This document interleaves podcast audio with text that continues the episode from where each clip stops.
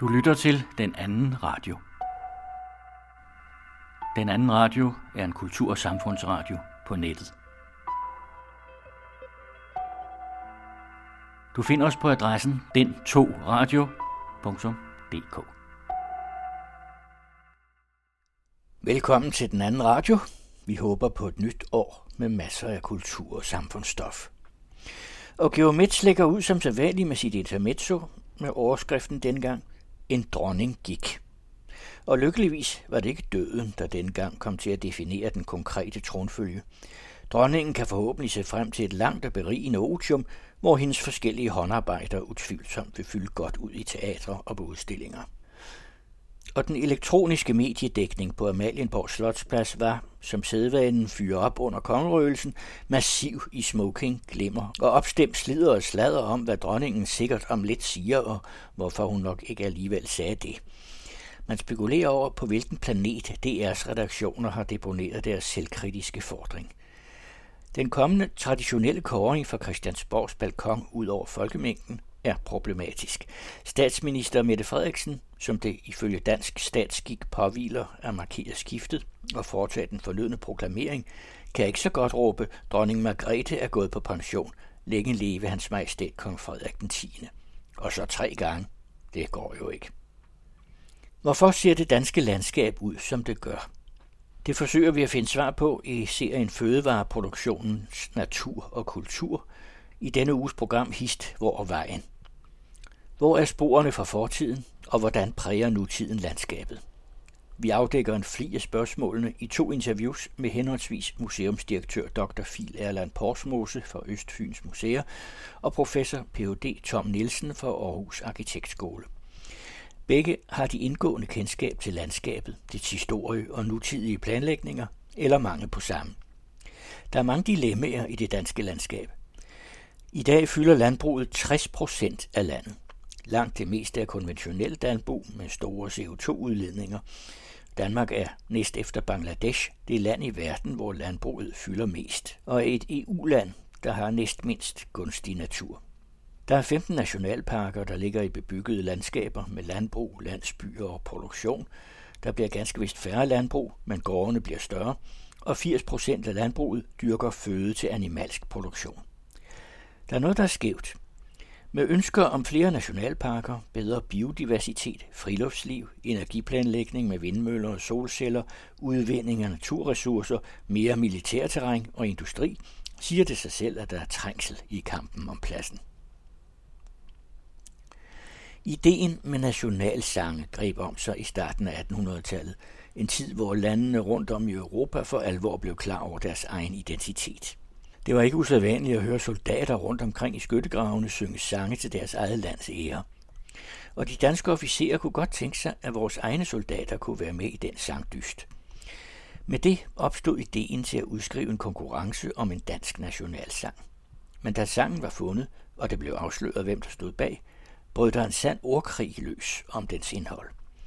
Og selvom det var i en tid, hvor man skrev med fire blæk, og posten skulle transporteres på landevejene med hest og trukne køretøjer, stod angrebene i deres substans ikke tilbage fra, hvad man kan læse på de sociale medier i dag. Det varede over nogle år, men er i dag en glemt fortælling om den danske nationalsang. Danmark, Danmark, hellige lyd, forfattet af Juliane Marie Jessen. Vi har dykket lidt ned i den gamle historie om, hvorfor den siden blev fortrængt helt ud af sangbogen, så det i dag er Adam Øenslægers, der er et yndigt land, der har fået den plads, som retligt tilkom Juliane Marie Jessens sang.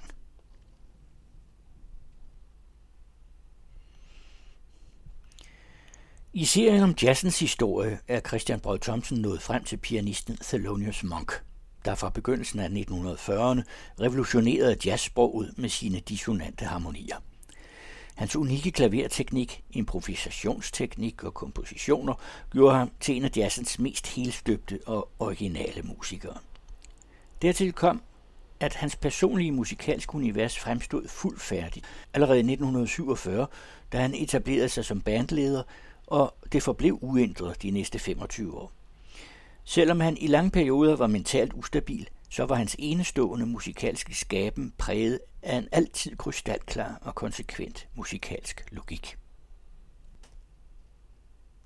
Lykkelig kærlighed findes, og den er mulig, lyder det opløftende budskab fra Frankrig. Beviset er den monumentale samling af kærlighedsbreve, udvekslet i 1950'erne mellem forfatteren Albert Camus og skuespilleren Maria Casares, som i 2017 var den litterære efterårssæsons store begivenhed. Langt fra det mondæne eller litterære dyneløfteri, som mange havde frygtet, men et sjældent oprigtigt og udtømmeligt kærlighedsunivers. Vi bringer i de kommende uger fire korte programmer med uddrag af de 865 kærlighedsbreve. I denne uge hedder udsendelsen den 6. juni. For de to elskendes eventyr begyndte faktisk to gange på den samme dato. Det er Sara Camille og Carsten Farov, der lægger stemme til Albert Camus og Maria Casares. Serien Refleksioner tager udgangspunkt i hverdagen, kvarteret, arbejdet, vennernes liv og eget liv. Små historier, der reflekterer over livet set i bagspejlet. Peter Zapfe har skrevet og læser op, og dengang har refleksionen titlen Samtale med en ven. Et besøg på sin vens plejehjem har fået Peter Zapfe til at spekulere over livets gang, når det bliver mindre.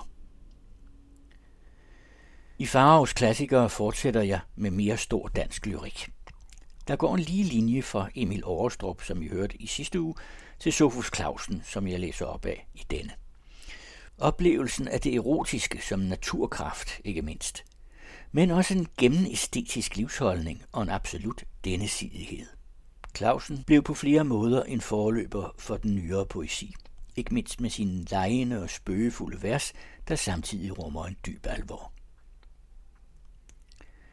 Vi ved meget om H.C. Andersen, først og fremmest for ham selv. Han skrev dagbog gennem hele livet ned i detaljer. Han var vild med teatret og forsøgte i de første år i København som ganske ung at blive næsten hvad som helst på det kongelige teater. Balletdanser, skuespiller eller sanger. Det gik slet ikke. Til gengæld kunne han jo skrive. Efter at han fik sit første rejselegat som 26-årig, rejste han i hele Europa igennem 40 år. Og hver gang han kom til en by, var det første, han gjorde, at gå i teatret. Og han har set og oplevet masser af operaopførelser og mødt store operasangere og komponister. Det har operaeksperten Henrik Engelbrecht skrevet en bog om, Hjertet bræst i toner, med H.C. Andersen i operaen. Og den fortæller han om til den anden radio. I den anden radioserie om 10 svenske og 10 danske operasangere er det baritonen Peter Mattei og sopranen Ann Petersen, der denne gang bliver portrætteret, og hver med to stykker musik. Peter Mattei rejser rundt i verden med Mozarts Don Juan og Greven for Figaro's Bryllup, to partier, som nærmest er blevet hans kendetegn, men han synger også mange andre store roller, samt lieder og orkesterkoncerter. Ann Petersen er meget efterspurgt i Wagner-faget men også hun synger orkesterkoncerter. I podcasten kan I høre begge genrer hos dem begge. Den anden radio. Public Service Radio om kultur og samfund. Og nu kommer først Geomets med det ugentlige intermezzo. Søren Pape Poulsen var i egenskab af konservativ præmierøjalist efter eget udsagn chokeret – Trods alt er det ikke hver dag dronninger applicerer. Berlingskes Tom Jensen kaldte det historisk. Majestæten havde nemlig betroet himself, at hun blev siddende tiden ud. Det er ikke hver dag dronninger betror Berlingskes chefredaktør, at hun bliver, men gik. Chokerende, når kongen tro bliver narret fra oven og ned efter. Den elektroniske dækning på Amalienborg Slotsplads skete som sædvane i en bedøvende hør med kongerøgelse i smoking og glimmer og opgejlede slider og sladder, hvad dronningen sikkert om lidt siger, og hvorfor hun ikke siger lige det, fordi hun er overnået fantastisk. Man spekulerer over, på hvilken planet DR's redaktioner har deponeret den kritiske fordring. Hvem ved navns nævnelse har konkret sat dette mål for snopperiets overdådighed af nonsens, kommentatorindretningen på Slotspladsen i timevis vælter altså. Ingen ligegyldighed lade sig fred. Livgarden kaldes H.C. Andersensk. Tessierne marcherer i takt. Men H.C. Andersen var kun til et benet tændsoldater, at de bare ved det. Midt i det hele skred vor frue, og Søren Pape fik sit chok, og bærningerne en bejmand. Meddelelsen vælter ikke ride. Roskilde Domkirke er for længst fyldt op af uundværlige monarker. Lykkeligvis var det ikke døden denne gang, der skulle definere tronfølgens forløb. Dronningen kan forhåbentlig se frem til et langt og berigende otium, hvor hendes hyppige håndarbejder utvivlsomt vil fylde op i teatre og udstillinger. En overgang var det, dronningen varslede i omtalen af sine rygproblemer. Ikke til at spøge med, det ved kommentatoren. Danmark bruger ikke som England kroninger. Den sidste var i 1840, da Christian den 8. ikke ville slippe enevælden og løse sig salve. Grundloven 1849 strøg det ceremonielle, der var ikke mere direkte himmelsk medvirken ved udråbelse af den konstitutionelle monark. Kongerne herefter, med undtagelse af den kronisk indisponerede, absolut ikke egnede Frederik den 7., støttet af godsejerkassen og militæret stavede kun middelmålet til konstitutionel og blandede sig i regeringsdannelsen, senest Margrethes farfar i påskekrisen 1920. Mens Stavning var på vej til Amalienborg, hvor han som stærk mand i Københavns magistrat var behjælpelig med at afmontere krisen, råbte en håndværker Svend, vi skal have revolutionen. Ikke nu, lød Stavnings bas.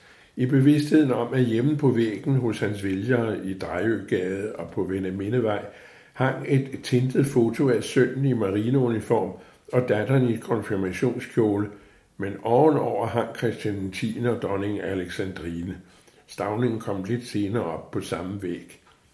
Kun enhedslistens Pelle Dragsted strejfede et ellers respektfuldt farvel til dronningen ordet republik, men meget indirekte, og snarere som forsikring om, at også republikanere anerkender vælgernes syn på Margrethes livsgerning.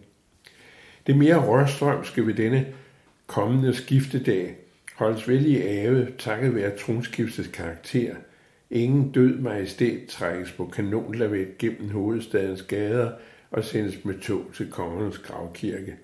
Nu bliver det vel nærmest en overdragelsesforretning, som i et større firma, hvor de måske forærer hinanden smågaver og udveksler nogle ikke særlig sjove ord og drikker en pot sur papvin. Den traditionelle kåring fra Christiansborgs balkon ud over folkemængden er problematisk. Statsminister Frederiksen, som de ifølge dansk statskik påviler at markere skiftet og foretage den fornødne proklamation, kan ikke så godt råbe, dronning Margrethe er gået på pension, længe leve hans majestæt kong Frederik den 10. Og så tre gange. Det går jo ikke. De finder nok på noget, når statsrådets kvalificerede tidsbil har betroet medlemmerne indbyrdes, at sådan er det, og den fratrådte efter kransekagen kører hjem til Fredensborg eller flytter tilpælene til Sydfrankrig, hvad en anden en godt kunne tænke sig i hendes sted. Det var i øvrigt en fin tale denne sidste gang. Ikke nemt at kante sig gennem, men gedigen og vel afbalanceret i disse hysterisk farlige sider, hvor hævnens proportioner vækker sorgfuld bekymring, mens Putin forflimmer over Ukraines bomber og russiske byer, og Danmark bliver en fremskudt base for USA. Hvordan kan de dog finde på det? Et råd til kongen per den 14. dennes om fremtidig nytårstalevirksomhed. Lær enten talen uden ad, hvilket er svært, hvis man ikke gør sådan noget jævnligt. Meget bedre, lad talen optage et par timer før kl. 18. Så kan deres kommende majestæt tage om og om igen til den sidder i skabet. Ikke en kat vil brokke sig, snarere have forståelse for dispositionen, og ikke som med deres aftrædende mor sidde med livet i hænderne over alle de små og større fejl, hun i årens løb begik under sine ellers tidstilpassede taler. Cirka 15 fejl per nytårstale. Gange med 52 bliver det ifølge lommeregneren til 780 bummer. Det er mange, hvis man remser dem op, hvilket kommentatoren trods rigelige notater skal undlade i dyb reverens og gode ønsker for kongemoderens efterliv. I hørte Geomets med Intermezzo, som også kan læses i fredagsudgaven af Information. Den anden radio.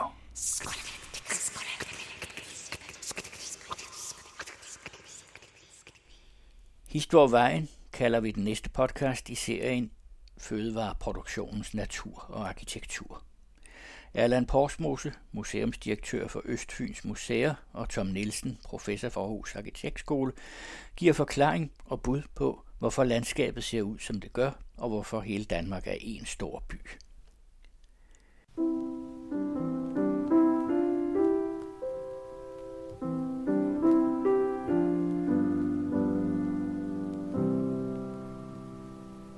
Hist, hvor vejen slår en bugt, ligger der et hus så smukt.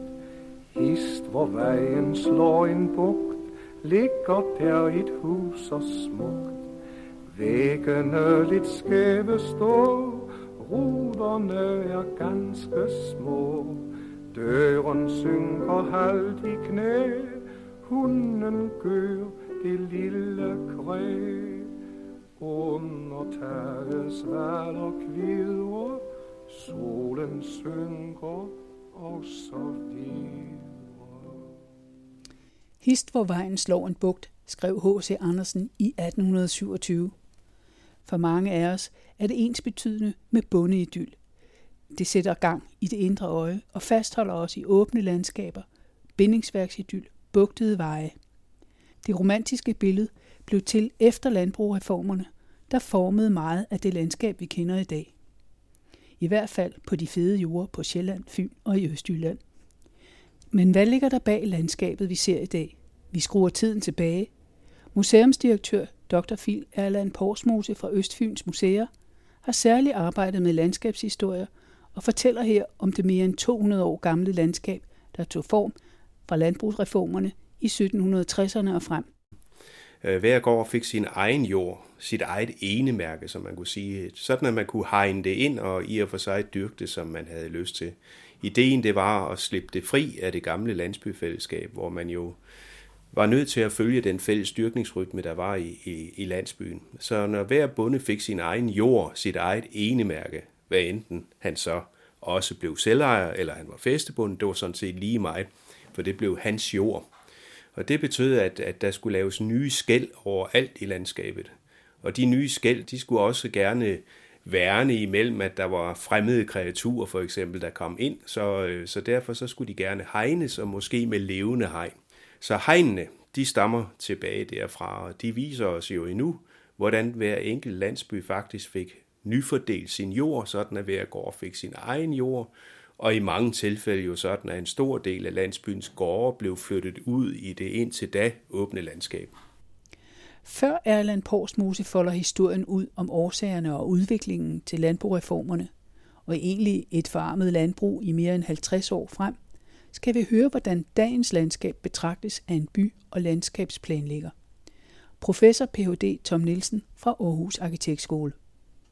Når jeg taler om, at øh, vi kan forstå Danmark som en stor by, så er det jo fordi, at der faktisk er, øh, vi er bosat faktisk over hele øh, territoriet, øh, og samtidig bor 90 procent af danskerne i byer. Øh, og når jeg snakker om, om byer, den her by i Danmark, så er det jo både, øh, så er det både storbyerne, forstederne, købstederne, øh, stationsbyerne og landsbyerne. Og de er jo alle sammen forbundet både konkret med infrastruktur, med veje, med jernbaner, men jo også øh, altså, øh, virtuelt gennem internet og telefonforbindelser og alt muligt andet. Byen som system er ikke knyttet tæt til noget, der er tæt sammenbygget kontinuerligt. Nu har vi fået kridtet nogle vinkler op i spørgsmålet om, hvilken landskabsarv og nutid vi lever i. Det vil vi uddybe. Vi begynder med Erland Porsmose fra Østfyns Museer. Tiden er skruet tilbage til før landboreformerne i 1760'erne. Erland Porsmose tegner et billede. Overalt i, i hele det østlige Danmark, altså hvor der nu er lerundergrund, og hvor man derfor har mulighed for et, et godt og frugtbart ærebrug. Der havde man ordnet det sådan, at, at man boede simpelthen sammen i landsbyer. Så er det cirka 95 procent af gårdene, der ligger inde i landsbyerne. Og det er endda, når vi så også tager hensyn til, at der lå nogle herregårde udenfor, nogle vandmøller, som selvfølgelig måtte ligge, hvor der var vand osv. Så, videre. så det at bo på landet, på den frugtbare lærjord i Danmark, det var det samme som at bo i en landsby. Hvis man kommer ud øh, på hedearealerne i Vestjylland eller på de bakkede sandområder, som der for eksempel findes i Himmerland, jamen øh, så er mængden af dyrkbar jord inden for en given radius ikke så stor. Og derfor så, er man, så må man næsten naturnødvendigt bo spredt. At bo i regulerede landsbyer, altså hvor man slutter sig sammen i, i en form for landsbyfællesskab, jamen det findes allerede i ældre jernalder i hvert fald, og måske før. Så i virkeligheden, så har man så i, i Danmark igennem 2000 år øh, boet øh, samlet i landsbyer. Og har man gjort det af, af beskyttelsesgrunde og praktiske redskabsmæssige grunde? Ja, altså nu ændrer det sig jo igennem tiden, men hvis vi nu går op i middelalder og nyere tid med de landsbyer, som blev udskiftet ved landboreformerne, jamen så øh, er det helt klart, at man havde nogle meget store fordele ved at bo samlet i landsbyer.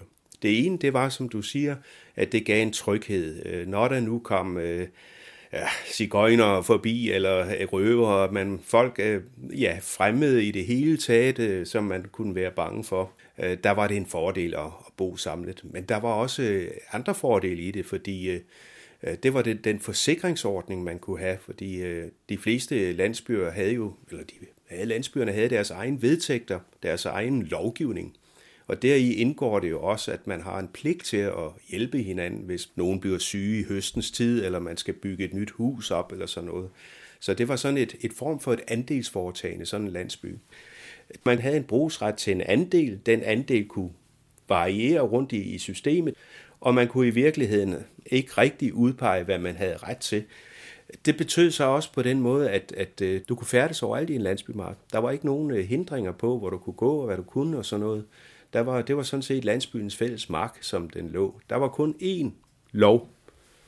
Og den lov sagde, om jeg så må sige, at du må ikke gøre skade på andres arbejde.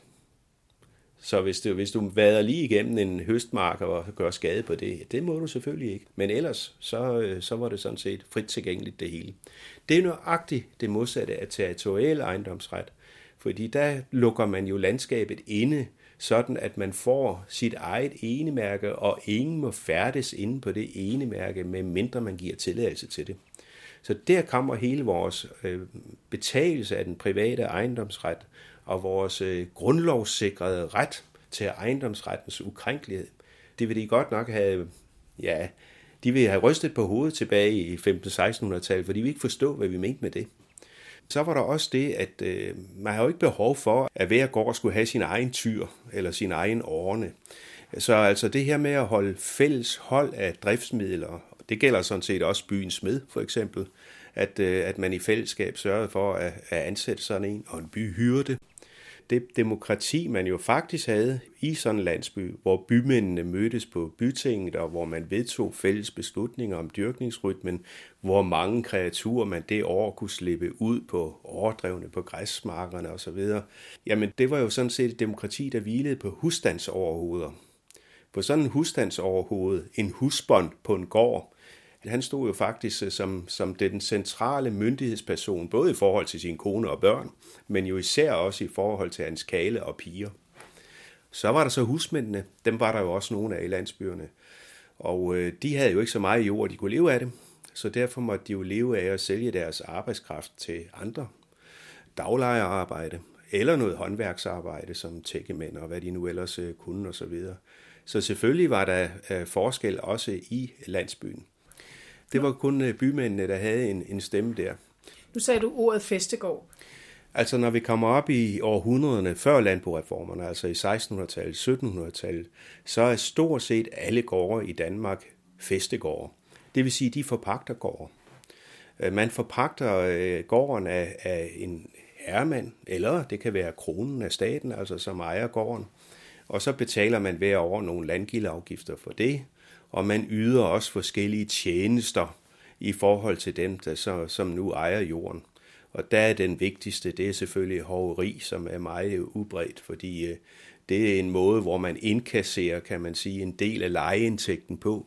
Det er, at, øh, at man arbejder, øh, ja, man plejer at kalde det tvangsarbejde, men, men altså meget landbrugsarbejde er jo meget hårdt arbejde.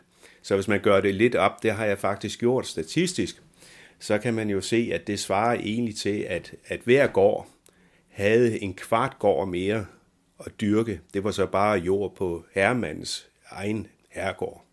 At en kvart gård ekstra skulle man så dyrke, hvor alt udbytte tilfaldt herremanden. Det var hoveriet.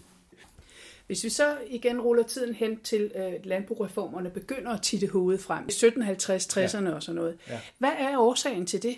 Det er, det er faktisk flere ting. Det ene det er, at man faktisk har haft øh, rimelig gode konjunkturer, og samtidig har man haft nogle frygtelige kvægpestangreb også, så en stor del af besætningerne dør. Og øh, det gør, at man, man får en større opdyrkning. Og jo mere opdyrkning du får, desto mindre betydning får fællesskabet, som i meget høj grad er et græsningsfællesskab.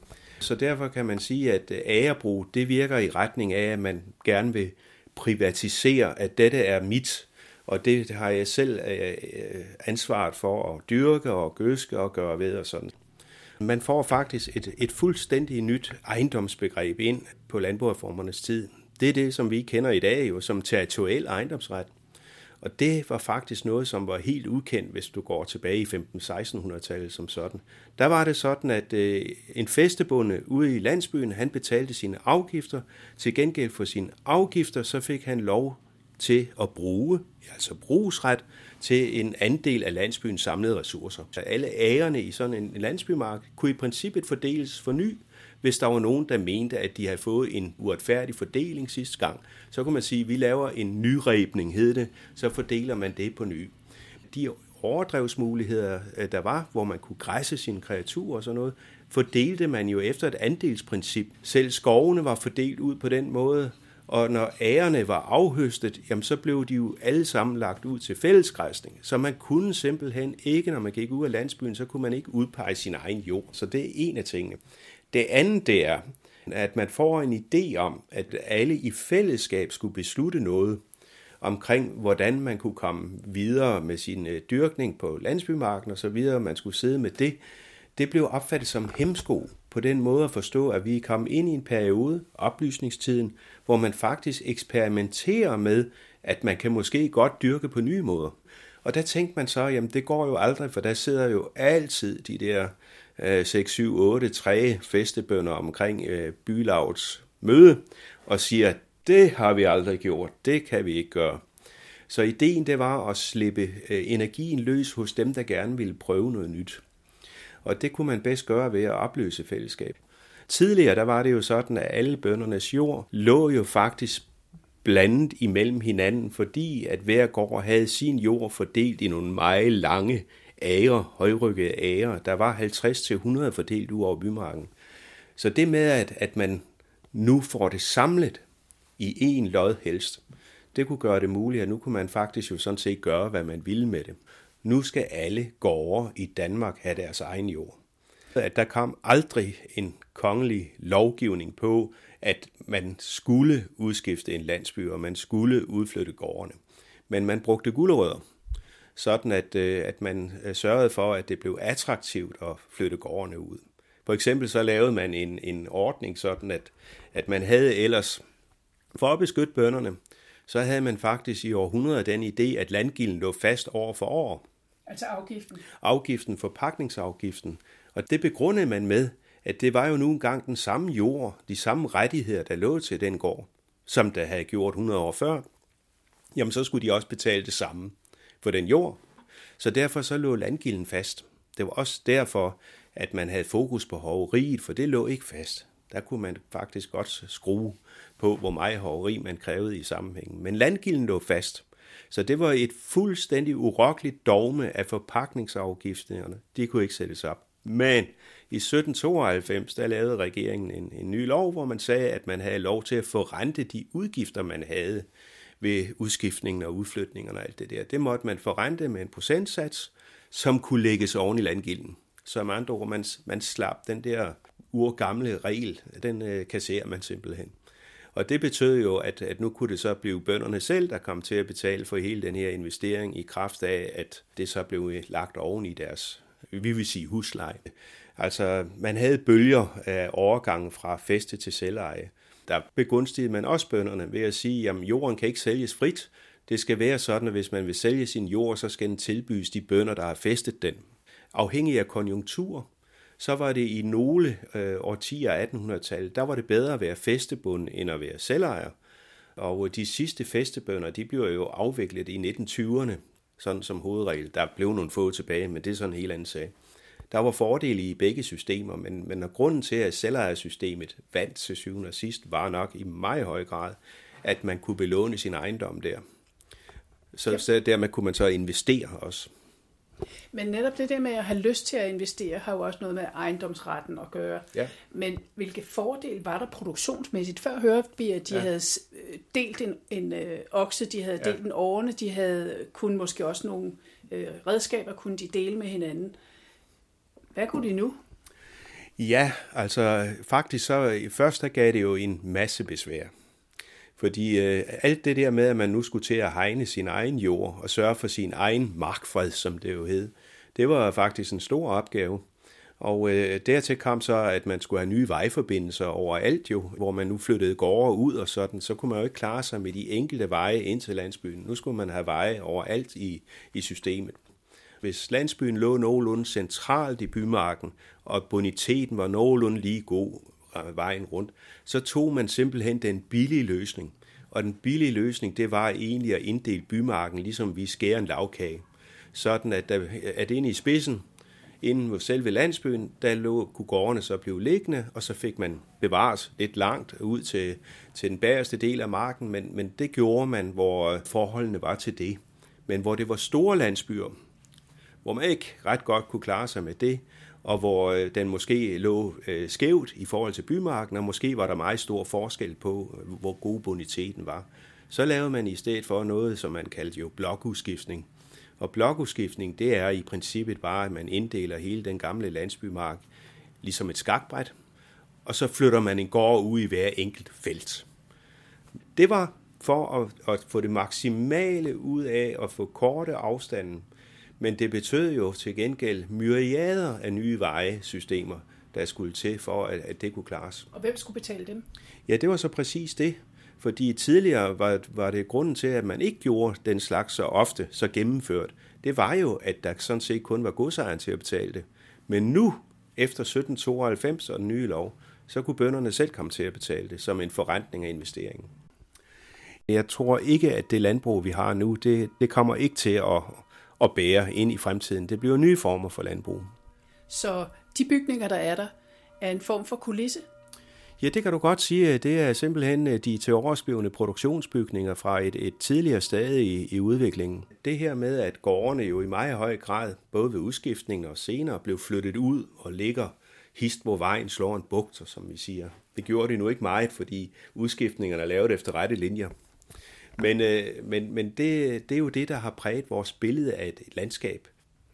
Når man så skuer ud over landskabet i dag, så er det stadigvæk de udflyttede gårde ja. og så nogle mere eller mindre hensynende landsbyer, man ser på.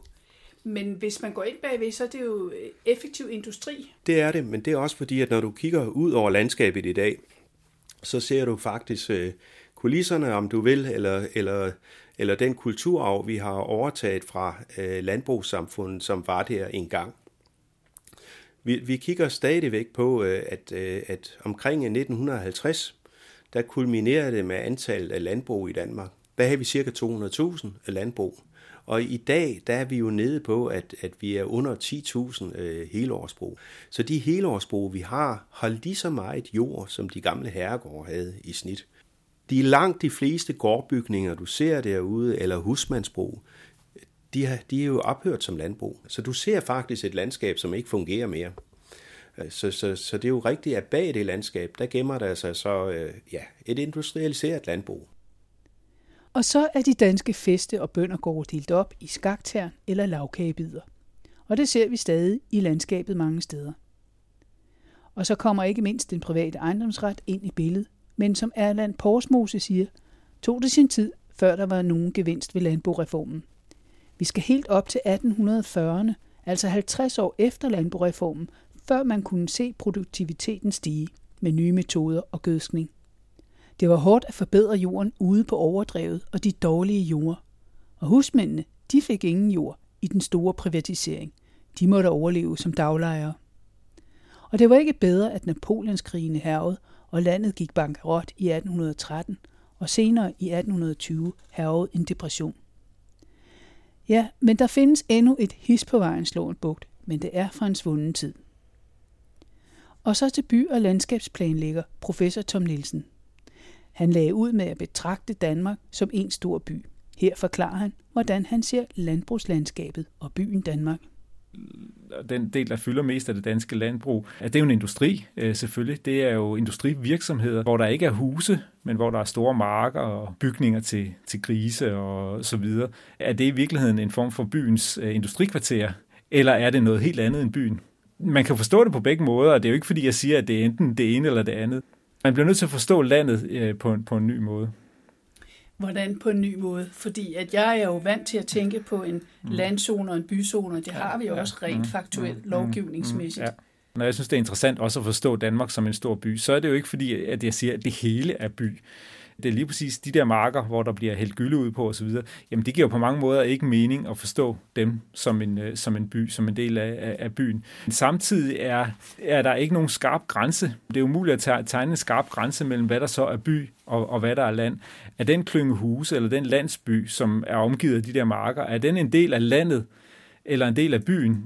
De fleste mennesker, der, der bor i den, har intet at gøre med den landbrugsproduktion, der, der var. Sådan var det for nogle hundrede år siden. Men de vil øh, sætte sig sandsynligvis i en bil øh, og køre ind til en lidt, øh, lidt større øh, by, et industrikvarter, en øh, uddannelsesinstitution, som vi sidder på nu, og arbejde. Så landsbyen er lige så meget et kvarter i, i storbyen, eller i købstaden, eller, eller hvad end det er. Den korresponderer måske ikke med, øh, med den måde, byen virker som livsverden og som funktionelt system. I Danmark, sådan planlovsmæssigt, så er der tre zoner. Der er noget, der byzone, landzone, og så er der sommerhus eller fritidslandskaber. Men byzonen er jo, også, er jo også landsbyen, er jo også stationsbyen. Det, jeg taler om, og vi måske taler om her, det er den der forestilling om by. Når vi kigger, nu sidder jeg og kigger herud på, og der er nogle arkitektstuderende, der, der er unge, og der render rundt her, og, og når jeg snakker med dem om, om det her, så, så vil mange af dem jo sige, nej, byen, det er da ikke, øh, det er da ikke den der stationsby, en landsby. En landsby er da ikke en by. En by, nu er vi jo flyttet her til Aarhus, måske fra et eller andet forstadsområde, og nu er vi kommet til byen. Nu er der tæt, og der er rimelig mange caféer og andre, og andre unge mennesker osv. Øh, den der forestilling om storbyen, eller den meget koncentrerede by, det dominerer jo rigtig meget øh, en, en nutidig opfattelse af byen. Fordi landet er jo ikke én ting. Og byen på samme måde er heller ikke en ting. Byen er ikke kun storbyen. I løbet af sin hverdag, så passerer man forbi huse på gader og veje, men også ud i kulturlandskabet, forbi marker, igennem skovarealer måske, øh, ind igennem forstadsområder, ind igennem øh, industriområder osv. Det er et varieret øh, øh landskab. Spørgsmålet er, om man bevæger sig fra landet til byen, eller om man er i byen, som har nogle forskellige atmosfærer og nogle områder, som har en fuldstændig forskellig karakter, det, øh, det kan man jo prøve at tænke lidt over. Og forskellige kultur. Og forskellige kulturer knyttet til sig. Men ikke nogen absolut forskellige kulturer. Fordi, fordi den person, som vi måske lige har talt om, som bevæger sig 80 km fra sin bopæl til sit arbejde, er jo på mange måder også en del af den samme kultur, er det samme menneske. Det kan godt være, at det tjener sine øh, penge øh, et sted, så spiller vedkommende måske badminton et andet sted, øh, har sin bopæl i, i et eller andet kvarter. Men spørgsmålet er, om man kan snakke om, om sådan et individuelt territorium. Det er klart for nogle, for nogle mennesker, der er deres øh, fysiske territorium, det er måske ikke særlig stort, men for ret mange mennesker, så er det spændt ret langt ud. På den måde, så, så kan man tale om Danmark som en form for urbaniseret territorium. Hvis vi skal have plads til det hele, så er der noget, der tyder på, at der ikke er plads. Og lad os bare så nævne sådan noget som de konflikter, der kan være. Ikke? Altså, at der skal være flere nationalparker, der skal være mere militærområde, der skal være flere naturoplevelser, øh, der skal være landbrug, der skal være industri, der skal være alle mulige, øh, måske råstofudvindinger. Alt den slags skal der være plads til. Men Teknologirådet har gjort op, at så mangler der 40 procent land. Så skal vi måske lave nogle flere lynetteholme rundt omkring.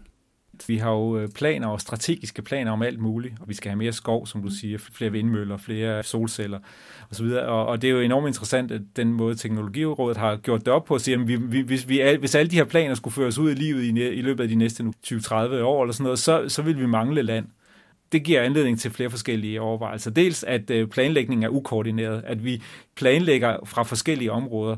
Hvis landbruget og landbrugsorganisationerne skulle planlægge Danmark, det har de stort set fået lov til, skal man så sige, så, så lander vi der omkring øh, to tredjedel af, landet i hvert fald, der skal bruges til, til landbrug. Hvis øh, biologerne og naturelskerne skulle planlægge Danmark, så vil det sikkert være to tredjedel, eller i hvert fald minimum 30 procent af, af Danmark, som skulle være natur, hvis også vi skulle følge sådan europæiske retningslinjer og andre konventioner. Der er vi slet ikke, vi er nærmere på 1 procent, så de har måske en sag. Ja, så kunne man fortsætte øh, med nogle med, med mange af de andre øh, ting. Så, så, så det handler jo om, at, øh, at vi, øh, vi har et nationalt et territorium, som er defineret af de nationale grænser, og der har vi ret mange forskellige interesser. Og dels er der ikke nogen koordinering af planer, øh, og dels er der så, og det, var, det er så et andet synspunkt på det, øh, en form for øh, diskussion af prioriteringer. Fordi vi bliver nok nødt til at prioritere. Det vil nogen sige, jamen så er det rene planøkonomi. Ja. Så er der nogen, der bestemmer det hele. Ja, men det er jo spørgsmålet spørgsmål om, at det ikke også er realistisk. Altså, sådan har det vel altid været, og der er jo nogen, der har bestemt, kan man sige, den, den, så at sige, den fordeling, vi har i dag. Vi har for eksempel baseret på tradition har, har landbruget, altså den, den planlov, vi snakkede om før, er jo lavet, mm, som, som i Danmark er så, sådan set relativt restriktiv i forhold til byudvikling. Det er der nogen, hvis man kigger rundt omkring, så vil man tænke, det kan da ikke passe, det kan jeg da ikke mene, fordi der jo, byen spreder sig ud over alt, men hvis man sammenligner med andre lande, så er det sådan set relativt restriktivt. Men den er jo lavet for så at sige beskytte landbruget, for at byerne netop ikke skulle, øh, skulle flyde ud og, og, og brede sig øh, øh, over det hele. Så den måde, Danmark ser ud i dag, er jo, er jo øh, et resultat af nogle øh, prioriteringer, og er en form for ja, om planøkonomi måske ikke, men i hvert fald en, en form for øh, planlægning. Ikke i totalt i detaljer, men, men overordnet set. Det åbne landskab, det åbne land, det er jo noget af det, der karakteriserer Danmark, de meget store åbne horisonter, som jo er beboet på mange måder det er jo meget få steder i Danmark. Øh, hvis man kigger rundt 360 øh, grader rundt i horisonten, så vil man jo se huse. Og sådan kan man jo også beskrive det. Så der er det her form for, øh, for, for, for netværk. Man kan måske bruge billedet om et æderkoppespind, som er alle de her øh, ja, togskinner eller asfaltveje, som spænder sig ud over det her ret flade øh, landskab. Og i alle de punkter, hvor, øh, hvor spindet, øh, æderkoppetrådene øh, tråden, i spindet øh, mødes, er der en bebyggelse, en lille by, en større by. Imellem det, i det der er luften, der er på mange måder, øh, der er, der er så typisk marker, lidt steder, små skovpartier, små skovlåne, nogle vådområder osv. Og spørgsmålet er, om de øh, vådområder, om de små skove, om de, de er punkter på, på selve spindet i selve, i selve bysystemet, fordi vi typisk bruger dem øh, rekreativt, øh, eller om de er en del af, af, om de er en del af luften i æderkoppespindet. Altså. Men, men sådan oplever jeg, jeg oplever, øh, når jeg kører igennem Danmark, så oplever jeg et, et varieret, et bebygget landskab, et urbaniseret territorium af forskellige intensiteter, hvor der er det, som jeg kalder øh, landbrugsindustri, og så er der øh, almindelig produktionsindustri i store, flade, etetages betonbygninger. Så er der øh, store flader med parcelhusbebyggelse, omkranset af um, ligusterhække osv.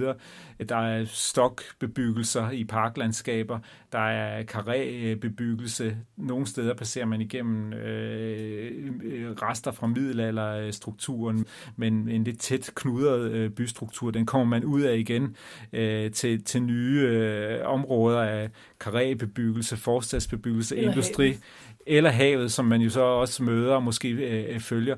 Så, så for mig er oplevelsen af Danmark de her forskellige intensiteter, hvor man aldrig rigtig kommer ud af byen, eller hvor man er i landet, i landet Danmark, som også på mange måder er byen Danmark hele tiden. Men jeg vil gerne køre tilbage til landet, og så sagde du ordet marker. Det var mm. bare sådan en lille del mm. af det der industrialiserede land, mm. du ser. Mm.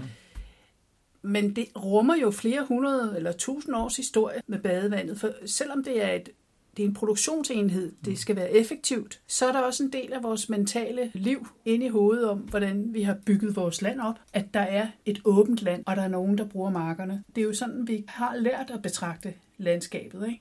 Jo, det er helt sikkert. Der tror jeg også, at der er et spørgsmål om, øh, om generationer. Min far, han øh, var opvokset på en, på en gård på det, han øh, kaldte landet der i, i øh, 40'erne og op til 50'erne, og han havde jo det der med, når der så var, var pløjet, og de her marker stod sorte med den her muld, der var vendt af, af ploven. Det synes han var utrolig smukt. Han synes, at kornmarkerne, når de så stod om sommeren og så videre, var utrolig smukt. Jeg tror, han så en anden form for øh, kultur, end, end jeg så. Jeg tror, han så bondekulturen, den her kamp for at få noget produktion, få en, en, en indkomst til en familie når jeg ser de samme ting, som jeg kan synes er smukke øh, og interessante på en anden måde, så, øh, så ser jeg i høj grad noget, der er en del af en produktion, hvor det korn er sandsynligvis ikke noget, der kommer i et brød, jeg kommer til at spise. Det kommer til at, komme i en, i en gris, som de måske vil spise i Kina eller i England. Så det er jo et kulturlandskab, og det er jo enormt øh, interessant, og, og æstetisk er det, jo, er det jo interessant. Det er jo fantastisk, når raps laver det hele til et lærred med gule pletter. Det er klart, at kulturlandskabet er jo en enorm vigtig øh, baggrund til vores øh, liv, men for de fleste af os er det netop måske blevet til, øh, til et billede, noget vi passerer igennem, og ikke noget, vi har en relation til, og ikke noget, som har en direkte relation til den mad, vi spiser, eller, øh, eller vores, øh, vores liv øh, i øvrigt. Det er måske netop blevet æstetisk, så så kan man diskutere, hvad det, hvad det romantiske landskabssyn er, om det ikke lige præcis er netop det, jeg sidder og, og udtrykker, som jeg selv oplever som, som et billede, øh, mere end som, som et levet landskab, man er en del af. Mange af de mennesker, der bor i det, der ligner en bondegård, de, de, det er jo bare boliger, der er blevet til overs, altså gårde, hvor jorden er blevet solgt fra osv., som ligger ude i det her territorium. Er de en del af landet, eller er de, de en del af byen? De fleste folk, der bor sådan nogle steder, vil sige, at de bor på landet.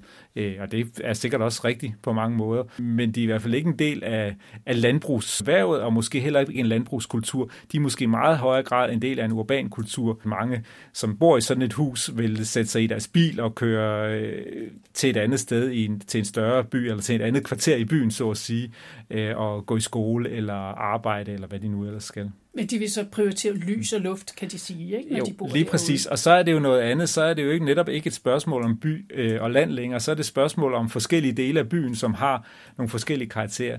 Og i, i sådan et blik, så er, der, så er det forskellige typer af atmosfære, forskellige intensiteter, som, øh, som folk øh, foretrækker. Men at tale om en op, absolut forskel mellem by og land, og mellem to forskellige kulturer, det synes jeg ikke er rigtigt. Nu sidder vi, som du selv siger, her på Arkitektskolen i Aarhus, og du sidder og kigger ud på nogle studerende, der arbejder, og nogle af dem, de bliver planlægger, det er dem, du uddanner. Ja. Hvordan kan de gebærde sig i det landskab og i det land, de skal være med til at forme? Jamen, altså, der er forskellige problemer her. Der er planlægning i, i, i Danmark er jo, bliver jo stort set lavet af kommunerne. Og det er jo, nu taler vi om de forskellige store strategiske planer, om så og så meget skov og så og så meget mm. landbrug osv., som, øh, som ikke er koordineret. Men det, der heller ikke er koordineret, det er øh, de forskellige kommuners øh, interesser. Og det er jo et problem i sig selv. Øh, man ser det jo tit med de der lidt upopulære ting.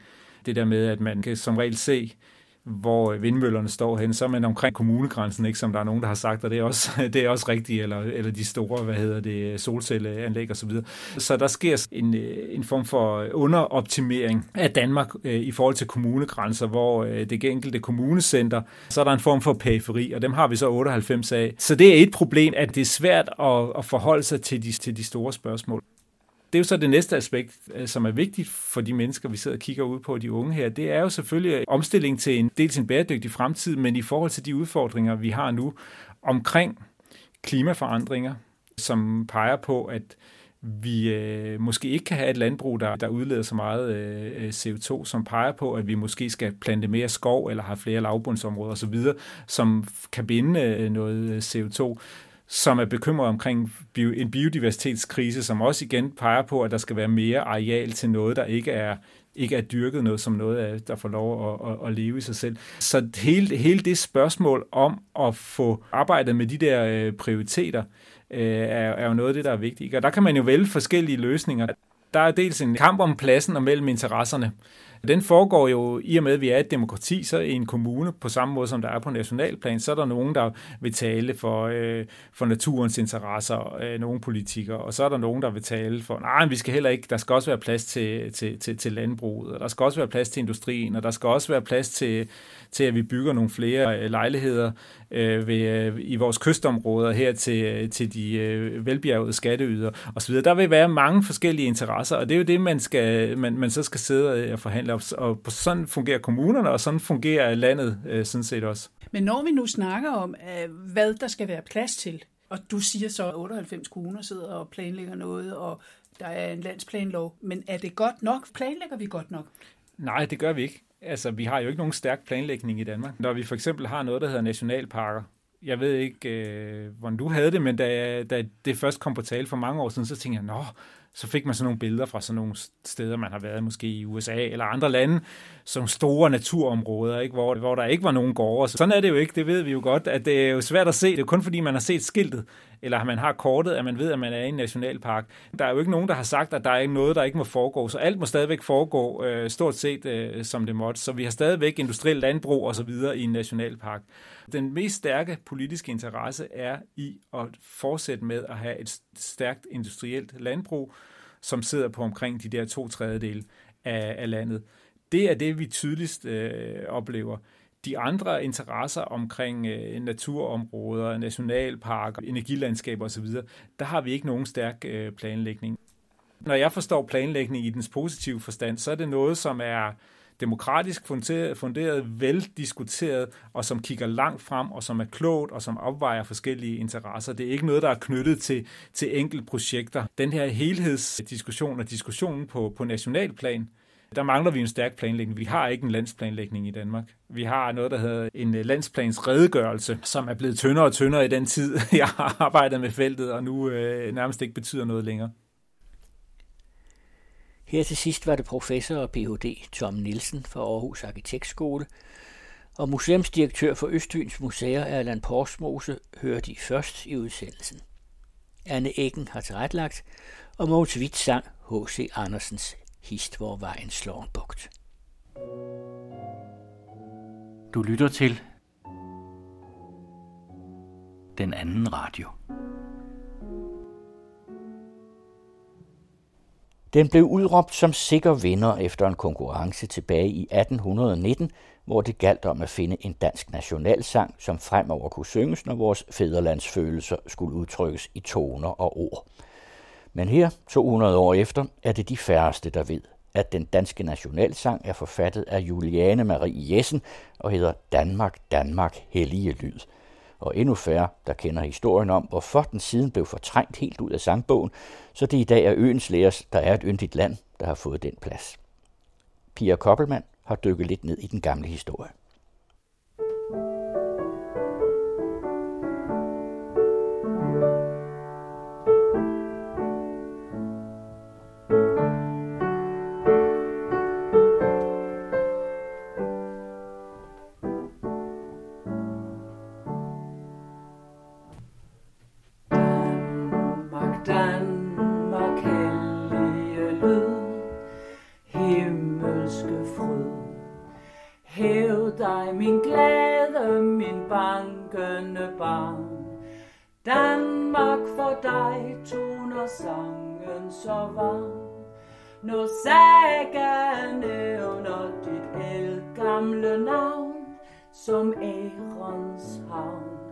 Jeg nævner Danmark, dit hedrede navn, som fødselsdag.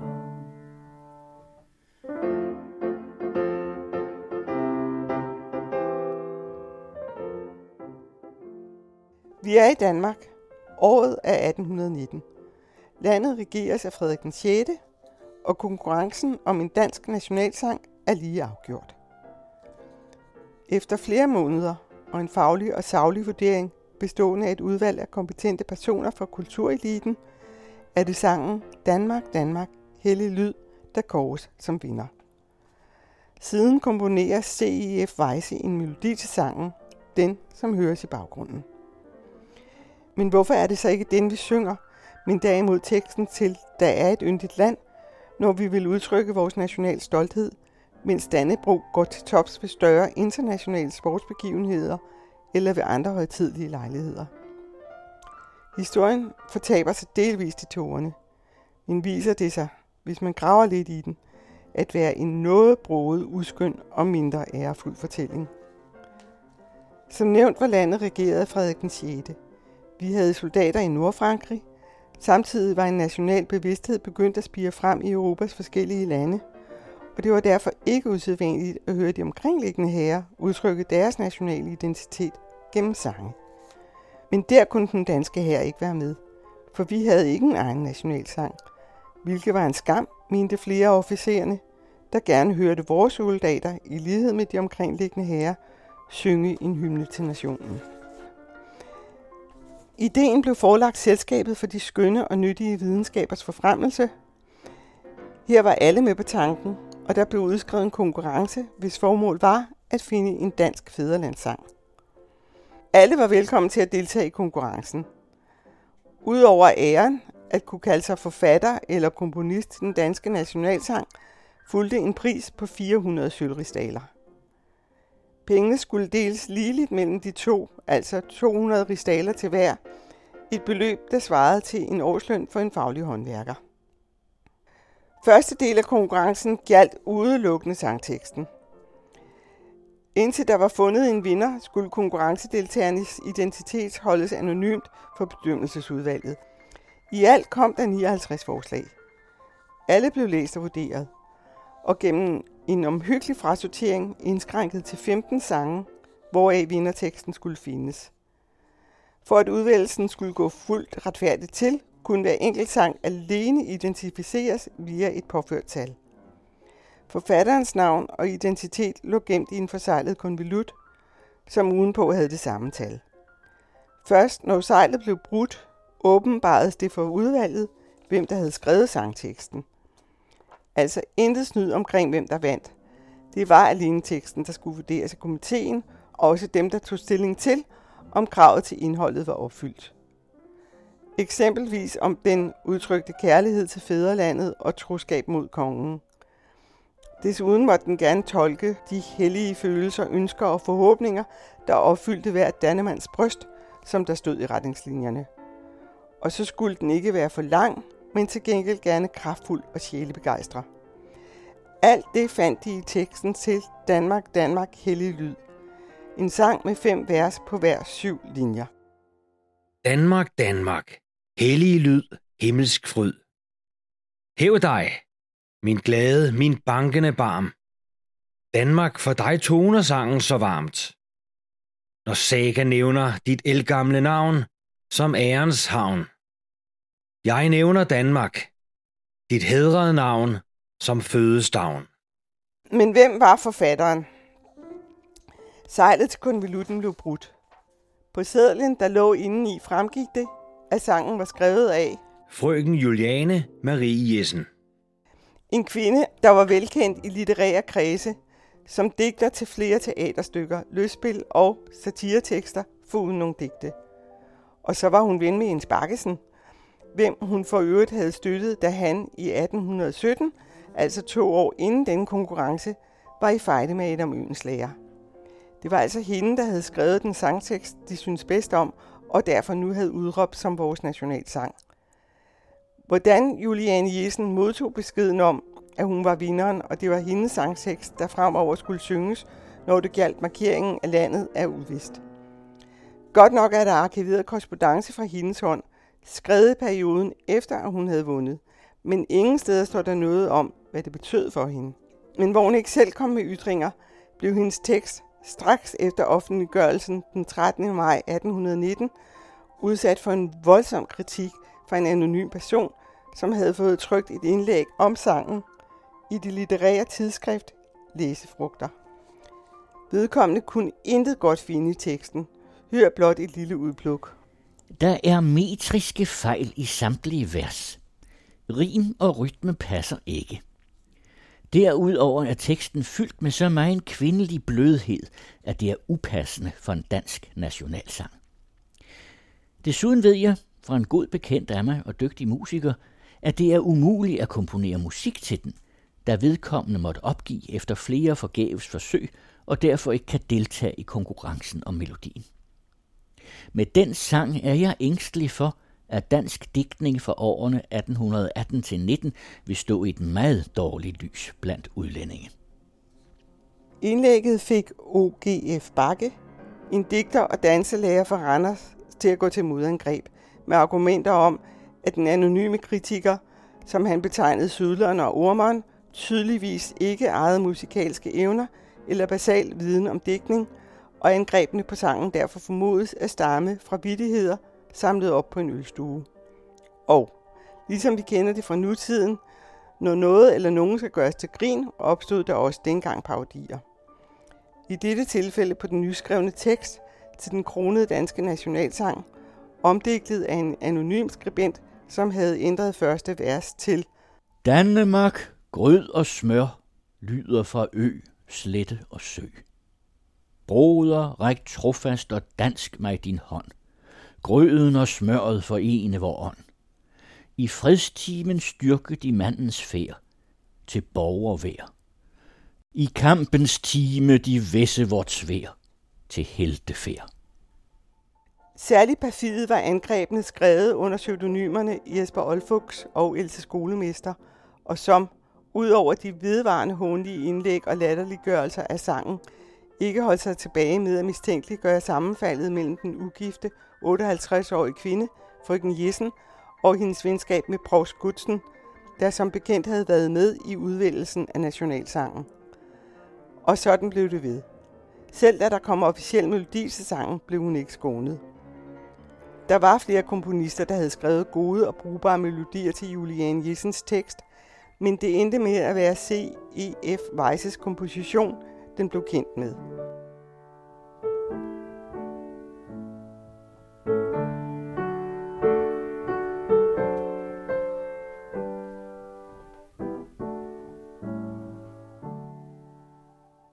Hvad komponisten Weisse mente om sangen, står hen i det uvisse.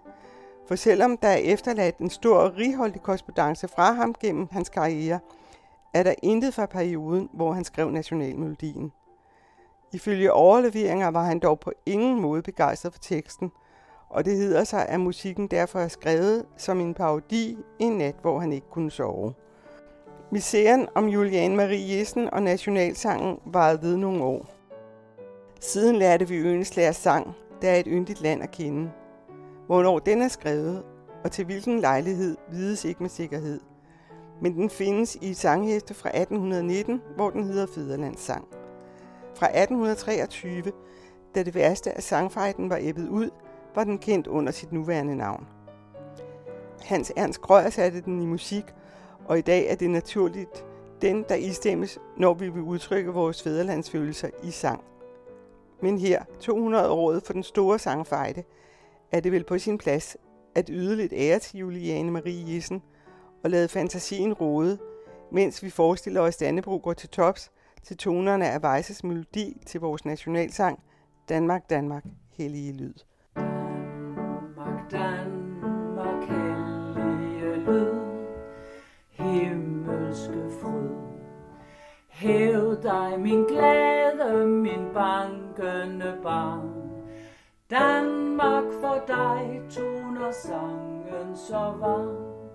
Når saga nævner dit gamle navn, som ærens havn. Jeg nævner Danmark, dit hedrede navn, som fødselsdag.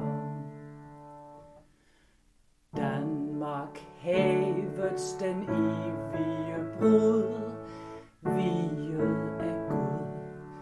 Stolt er din brudgom og vældig og rig. Venlig han kysser dit klædebåndsfli. Han kvæder for dig i vågernes klang, din hæders sang. De når sejren når krigshornet klang til bølgesang. Danmark, den kongens trone, den står, hedret ved år. Prydet med døder i vandhæld og held. Støttet ved troskab, den stanger som fjeld. Hos Danmarks løve var aldrig svig, Dan konge sig stod ej din løve i fred og i krig mod vold og svig. Danmark, den konge, lyder fra ø, slette og sø. Broder, ræk trofast og dansk mig din hånd. Danmark og konge forener vor ånd. I fredstimen styrer de mandens færd til borgers vær. I kampens time, de væsse vort svær til helte fær. Danmark Magtskjold ungen, elsket og stor, fremme din flor. Danmark sønner på kampens dag, stride som helte for banner og flag. Vær Danmark søn som vandt det navn, ved virksom gavn, skal følgende nævne i dødens favn, vort Danmarks navn. Det var Tanja Slander, der sang Danmark, Danmark, hellige lyd, akkompagneret af Rasmus Kjær Larsen. Og desuden hørtes Erling Jan Sørensen på klaver. Stemmerne undervejs var indtalt af Carsten Farve og Mark Hillebrandt, og det var Pia Koppelmann, der havde tilrettelagt. Du lytter til Den Anden Radio.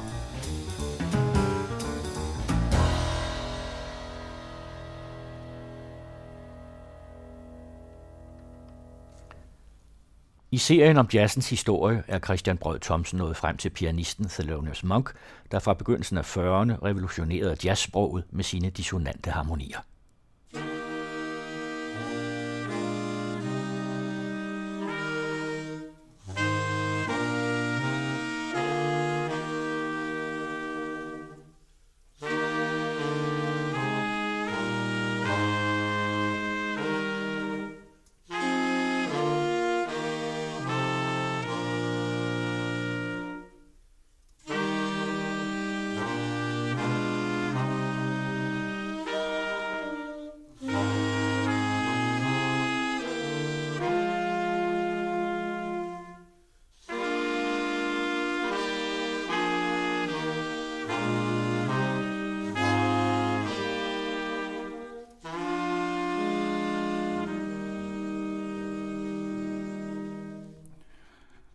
Mange undrede sig, da jazzens mest avancerede pianist, Thelonious Monk, i 1957 indledte en plade med denne gamle salme, Abide With Me, præsenteret unisont, men uden soloer, til trods for at blæsergruppen tæller så markante solister som John Coltrane og Coleman Hawkins. På den måde signalerede Monk, at han har sine rødder i gospelmusikken. Han havde lært at spille hos organisten i en baptistkirke i New York, og sit første job fik han som 16-årig, da han turnerede med en prædikant og healer. Monk blev kendt i jazzkredse, da han i 1940 blev huspianist på Mentons Playhouse, hvor han var centrum for udviklingen af den nye jazz bebop. Den 23-årige trompetist Dizzy Gillespie fik afgørende inspiration hos Monk, og på Mentons hørte de to rygter om, at der nogle husblokke længere oppe af gaden i Monroes klub spillede en alt saxofonist, der var lige så god som Lester Young og dobbelt så hurtig. De besluttede at undersøge sagen nærmere og bevægede sig op til Monroe. Alt saxofonisten var den 21-årige Charlie Parker, som de tog med til Mintons, hvor de i første omgang sørgede for, at han fik noget ordentligt at spise, hvad han ikke havde fået i dagevis. Men ejeren havde desværre ikke råd til at ansætte Parker. Men Monk og Gillespie kunne ikke undvære ham, så de delte derfor deres sparsomme hyre med ham. Nu var bebopens inderkreds etableret, men på grund af en langvarig faglig konflikt mellem Musikerforbundet og pladebranchen blev disse afgørende år ikke dokumenteret på plade. Først i 1950 kom Monk og Parker i pladestudiet sammen, og der lød det sådan her.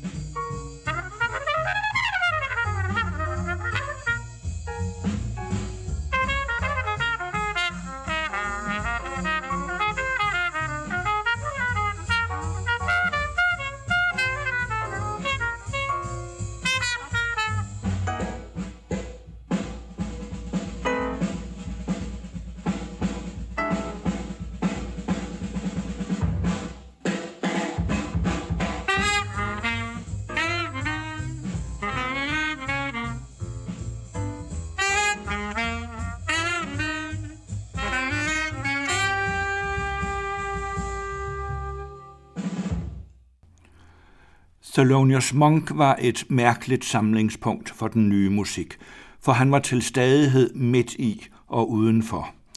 Og egentlig opfattede han ikke sig selv som bebop-musiker. Han beundrede Parker og Gillespie, men var kritisk over for Bobbens medløbere, som bare lod fingrene løbe op og ned af harmonierne.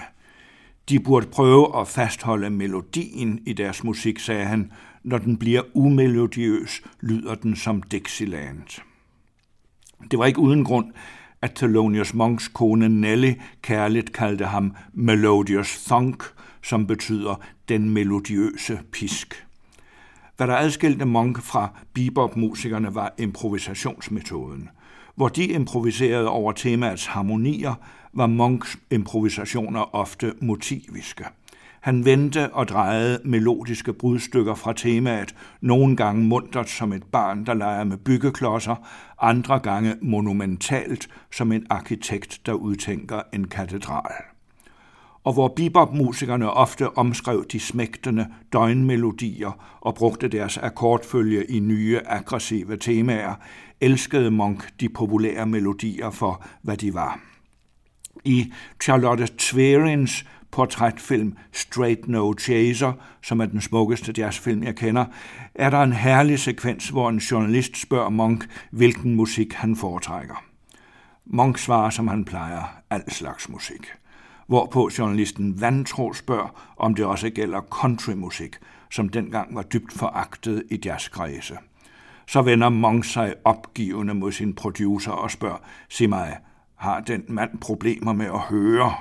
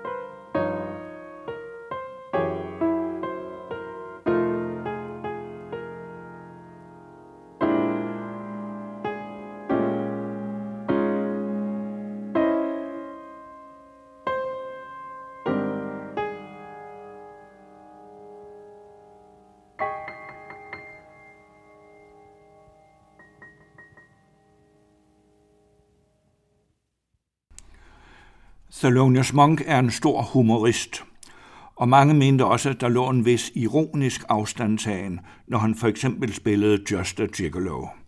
men der er ikke antydning af ironi i hans spil. Ironi indebærer, at man siger det modsatte af, hvad man mener, og det gør Monk aldrig, hverken i sine få knappe udtalelser eller i sine solige. Børn har heller ikke sans for ironi og er fuldstændigt uforstående overfor, at man kan sige noget, man ikke mener. Også i den forstand er Monks musik børnemusik. Monk er ikke bare en musikalsk vismand, men også en så barnlig sjæl, at man roligt kan tage alt, hvad han spiller, fuldstændig bogstaveligt. Han elsker simpelthen døgnets melodier, og han tager dem under en så kærlig behandling med sine dissonante akkorder, at han gør dem til sine egne. I modsætning til ironikeren har Monk ingen distance til sine følelser, men tør godt være dem bekendt. Han ejer ikke evnen til forstillelse. Og hans fortolkning af netop Just a Gigolo har sikkert haft en helt bogstavelig betydning for ham. De første mange år var det nemlig hans kone Nelly, der forsørgede ham. Hun var naboens datter og flyttede tidligt ind i den lejlighed i Manhattans slumkvarter, hvor Monk boede sammen med sin mor, og hvor han blev boende også efter, at tiderne blev bedre. Nu havde han to mødre, hvilket ikke var for meget for han var fuldstændig hjælpeløs med praktiske gøremål, såsom at komme i tøjet, at få noget at spise og nå frem til en aftale i tide. Nelly sørgede for det hele. Og i taknemmelighed skrev Monk en af sine smukkeste kompositioner til hende, Crepuscule with Nelly, der betyder tusmørke med Nelly. Den hører vi her med Monk og hans faste tenorsaxofonist Charlie Rouse – og læg mærke til det helt usædvanlige, at de kun spiller selve temaet uden improvisationer. Nelly er en klippe, hende improviserer man ikke over thank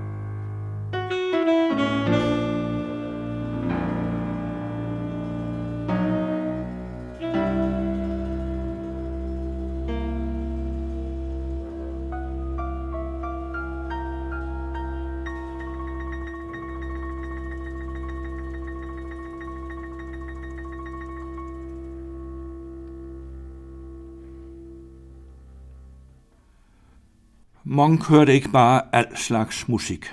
Han hørte også musik overalt, selv når den ikke var der.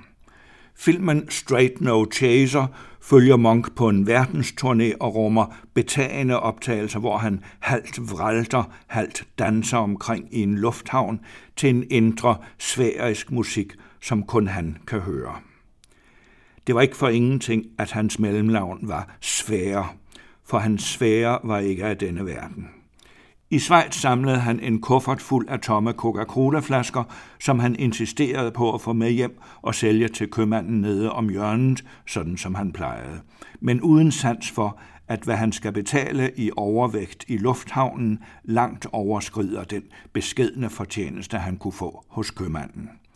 Det kan man så more sig over, men til gengæld chokeres man, når Thelonious Monks søn mindes, hvordan han som barn glædede sig til, at hans far skulle komme hjem fra turné. Men når de så sad ved middagsbordet, stirrede faren lige lugt igennem sine egne børn og anede ikke, hvem de var. Alligevel var alt Monks musik jo i en vis forstand børnemusik. Da den kom frem, vagte den opstandelse og blev kaldt vanskelig og avanceret på grund af de dissonante akkorder. Men vanskelig avantgarde-musik kan sagtens være god børnemusik. Børn har endnu ikke fået deres ører spoleret af musikalske konventioner og kan med stor fornøjelse skråle med på Monks vildt sangbare temaer. Nogle gange må han for eksempel også have vidst, at han havde en søn. Little Rudy Tooty, som det næste nummer hedder, er opkaldt efter søndens kælenavn.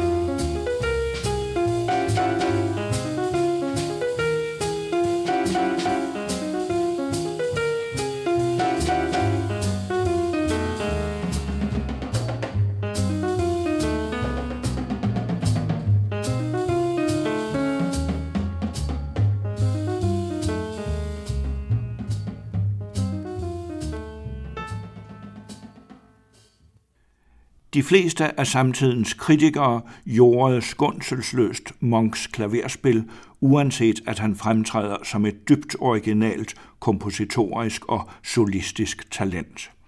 Og enhver spillelærerinde ville forfærdes, hvis hun så, hvordan Monk behandlede klaviaturet. Han spillede ikke med spidsen af fingrene, men ramte normalt tangenterne med flade fingre, ligesom han i en nødsituation kunne tage albuerne med til hjælp. Alligevel var hans teknik formidabel, og han spillede formentlig præcis de rytmer og klange, han hørte i de sfære, hvor han nu befandt sig. Monks kvaliteter som solist forblev i 40'erne og 50'erne en hemmelighed i jazzens indercirkler, men der var han til gengæld højt respekteret. Blandt dem, der tidligt havde sans for hans geni, var pianisten Randy Weston. Han opsøgte Monk midt i 40'erne og var i hans hjem i ni timer, uden at Monk sagde en lyd.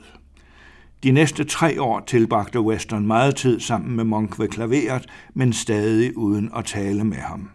Herom har Weston sagt, Senere fandt jeg ud af, at Sufi-mystikerne heller ikke talte med ord. Gamle, vise folk vidste, hvordan man taler uden ord. Og Monk var som reinkarnationen af Afrikas elgamle sjæl. For at være en mester må du være ren i tanke og sjæl, og det var Monk. Vi lever i en verden, hvor folk føler, de må plapre løs hele tiden. Monk befandt sig på et andet plan.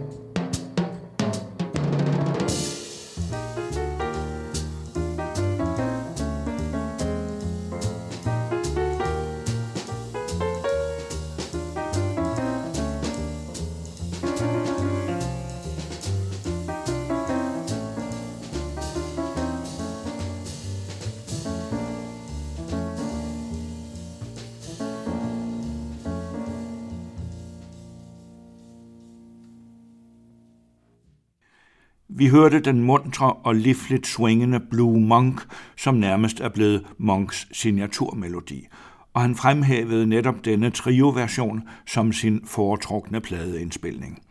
Den stammer fra 1953, hvilket var en tragisk periode i Monks liv, fordi han fik inddraget sin tilladelse til at spille i New York. Alle, som kendte ham, beretter, at han var venligheden selv.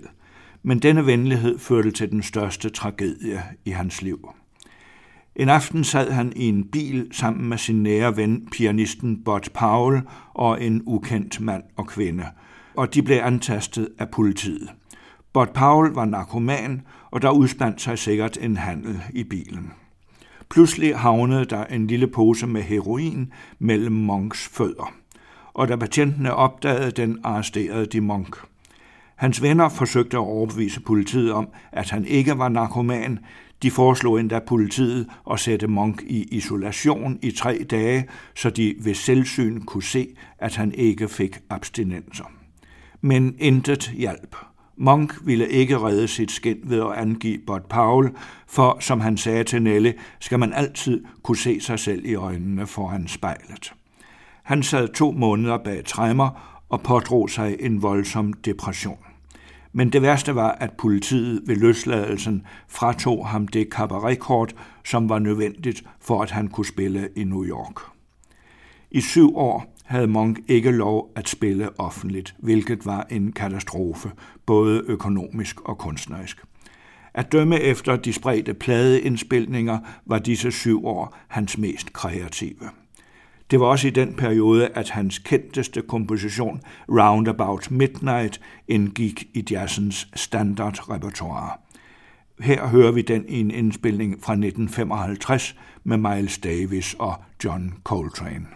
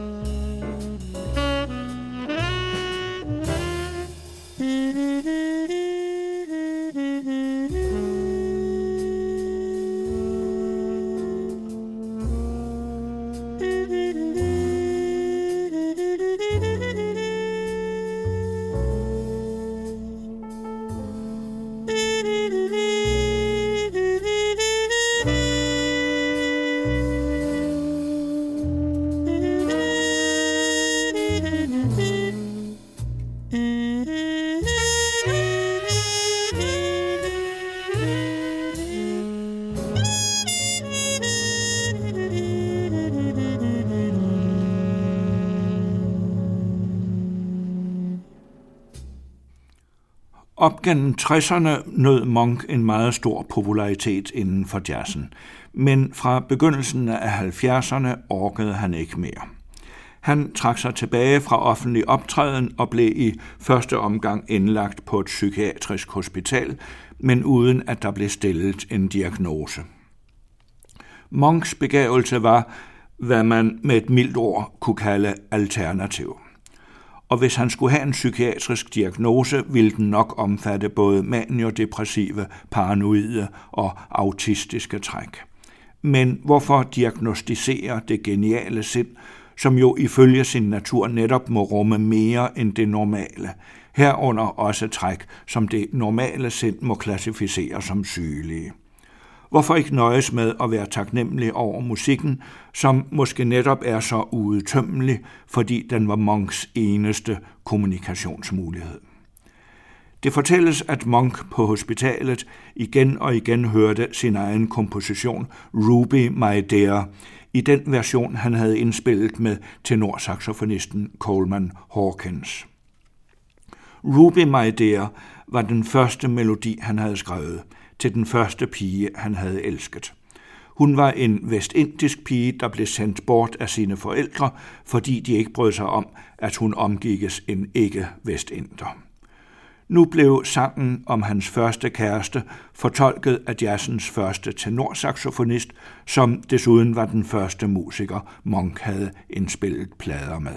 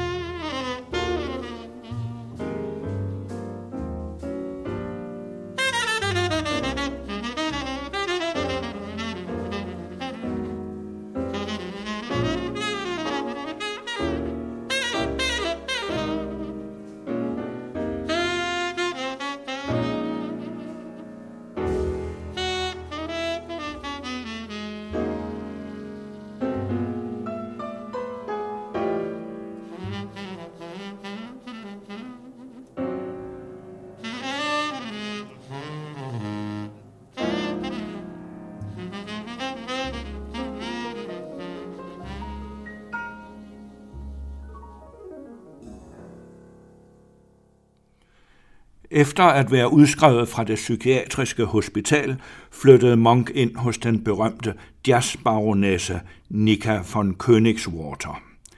Det var på hendes sofa, at Charlie Parker var død af grin, mens han så en tv-udsendelse. Og Monk tilbragte nu sine sidste ti apatiske år i hendes lejlighed. Det skete i forståelse med hans kone Nelly, som jævnligt kom forbi og lavede mad til ham. I 1964 var Monk blevet coverfigur i tidsskriftet Time Magazine, en sjælden ære, der blandt jazzmusikere hidtil kun var overgået Louis Armstrong og Duke Ellington. I den anledning skrev Time om ham. Nelly og de få andre, der har kendt lidt til Monk, ser en stor indre logik i hans liv, som kaster værdighed over alt, hvad han siger og gør.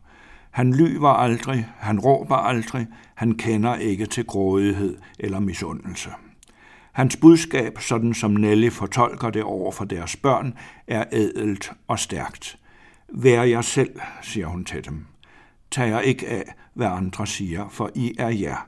I skal bare være jer selv. Hun fortæller dem også, at Monk ikke er noget særligt, men børnene har set ham sove med sin japanske kalot på hovedet og med et kålblad hængende på frakkeopslaget, så de ved bedre. Og hvis ikke Monk er noget særligt, hvem er så? Den 17. februar 1982 gik Thelonious Monks gamle makker, tenorsaxofonisten Charlie Rouse, i studiet for at indspille en plade med Luther Monk-kompositioner, i håb om på denne måde at kalde Monk tilbage til musikken. Pianisten Kenny Barron overtog Monks plads ved klaveret, og gruppen kaldte sig Sfære, som jo var Monks mellemnavn. Måske mærkede Monk svagt gennem sfærerne deres hensigt. Han reagerede i hvert fald ved at forlænge sin 10 år lange pause ind i evigheden. Samme dag de gik i studiet for at kalde ham tilbage til livet, døde han af en hjerneblødning.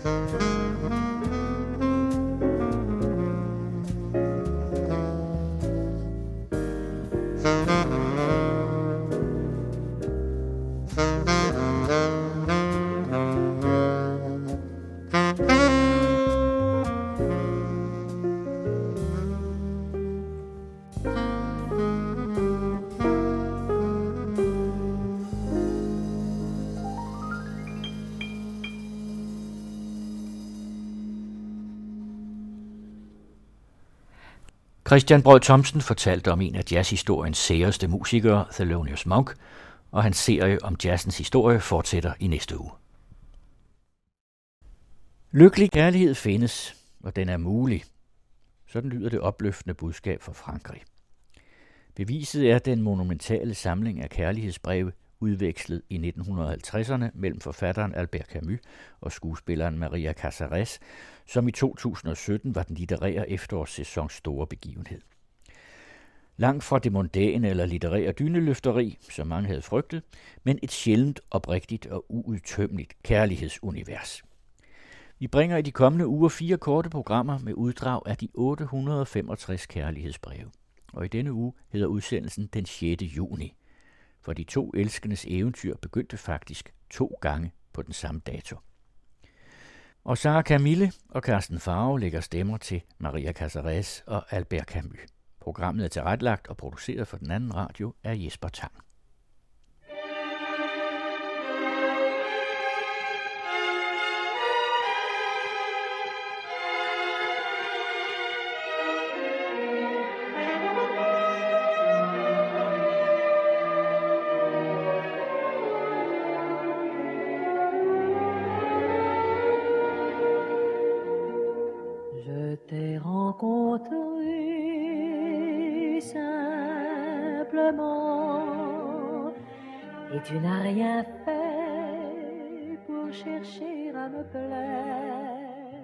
Cabri, søndag den 4. juni 1950 om eftermiddagen.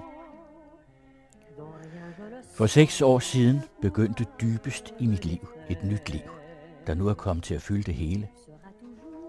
En lys, strålende nat for seks år siden forstod jeg, at jeg elskede dig. Og den kærlighed har med årene, trods genvordigheder, hævet sig op til at være mit livs stolthed og berettigelse. Altså en taknemmelighedens dag, hvor jeg kysser dine hænder med kærlighedens egen varsomhed og blidhed. Mine dage trækker mod dig. Her følger den ene tordenby den anden, uafbrudt, men de tegner en vej hen over himlen, vejen til dig.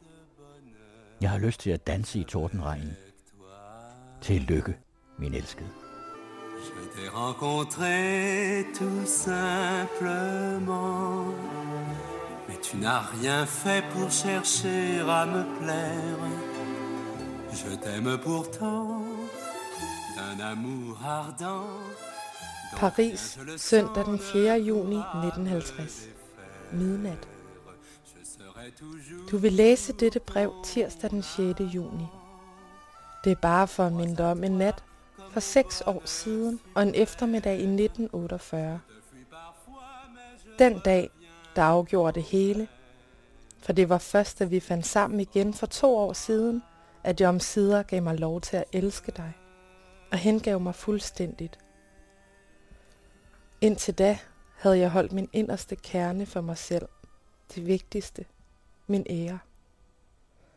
Siden har du lært mig at placere den i vores kærlighed, at gøre den til et med vores kærlighed. Og ved du, hvad en spansk piges ære er? Hårdmod, stolthed og også lidenskab.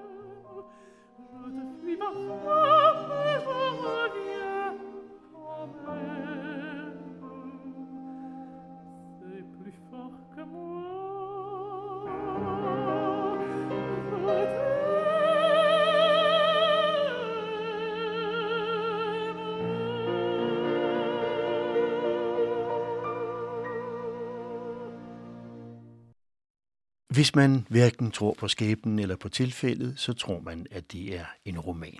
En kærlighedsroman. Den 6. juni. Maria og Albert havde været i stue før, en aften midt i marts 1944, nemlig hvor forfatteren Michel Liris havde inviteret kremen af det intellektuelle Paris til første og eneste opførelse, og det vil i virkeligheden sige oplæsning, af et surrealistisk skuespil af Pablo Picasso. Instruktør Albert Camus, skuespillerne foruden Picasso selv, Sartre, Simone de Beauvoir, Jacques Lacan, Brassai, Leris og flere endnu, og blandt tilskuerne en nyudklækket skuespillerinde, Zani Campan, og hendes veninde og kollega Maria Casares, der den aften gik alene hjem. Det gjorde hun til gengæld ikke ud på de små timer den 6. juni det samme år, altså 1944. Camus, 31-årig forfatter til en rost debutroman, nemlig Den Fremmede, og Maria Casares, 22, endnu kun på tærsklen til en stor skuespillerkarriere, var blandt gæsterne ved en festlig Montmartre-aften hos teaterinstruktøren Charles Dulin. Den endte nemlig i Rue Vanneau i Paris' 7. arrondissement, i den atelierlejlighed, som forfatteren André Gide havde udlejet en del af til Camus. Der havnede vi, så godt vi kunne. Den første aften efter en fiesta på Montmartre, så vidt jeg husker. Jeg var dårligt kommet inden for døren, før jeg slugte to glas cognac for at lægge en dæmper på min generthed. Han tøvede ikke et øjeblik med at gøre det samme, måske for at blive en anden angst kvidt. Så meget forudsigeligt mindede cyklen, vi kørte fra vores vidunderlige værters hus på med mig siddende på styret, om en gal hund, der trækker hæftigt i snoren for at komme i nærheden af en mur, en lygtepæl eller en rendesten. Vi ledte efter en vej ned mod scenen og endte med, den ene lige så lykkeligt beruset som den anden, at nå vores bestemmelsessted. Det højloftede atelier i Rivano. Den 6. juni 1944, nøjagtigt samtidig med de allieredes landgang i Normandiet. Just a passing glance just a brief romance, and I might have gone on my way empty-hearted. Der, i det atelier, lærte jeg ham at kende. Der fortalte han mig, med en blanding af revolte og afsky, om den lungesygdom, som knævede i hans bryst, og de daglige behandlinger, som var nødvendig for at stanse tuberkulosens fornyede angreb oplevet af ham som et sorg.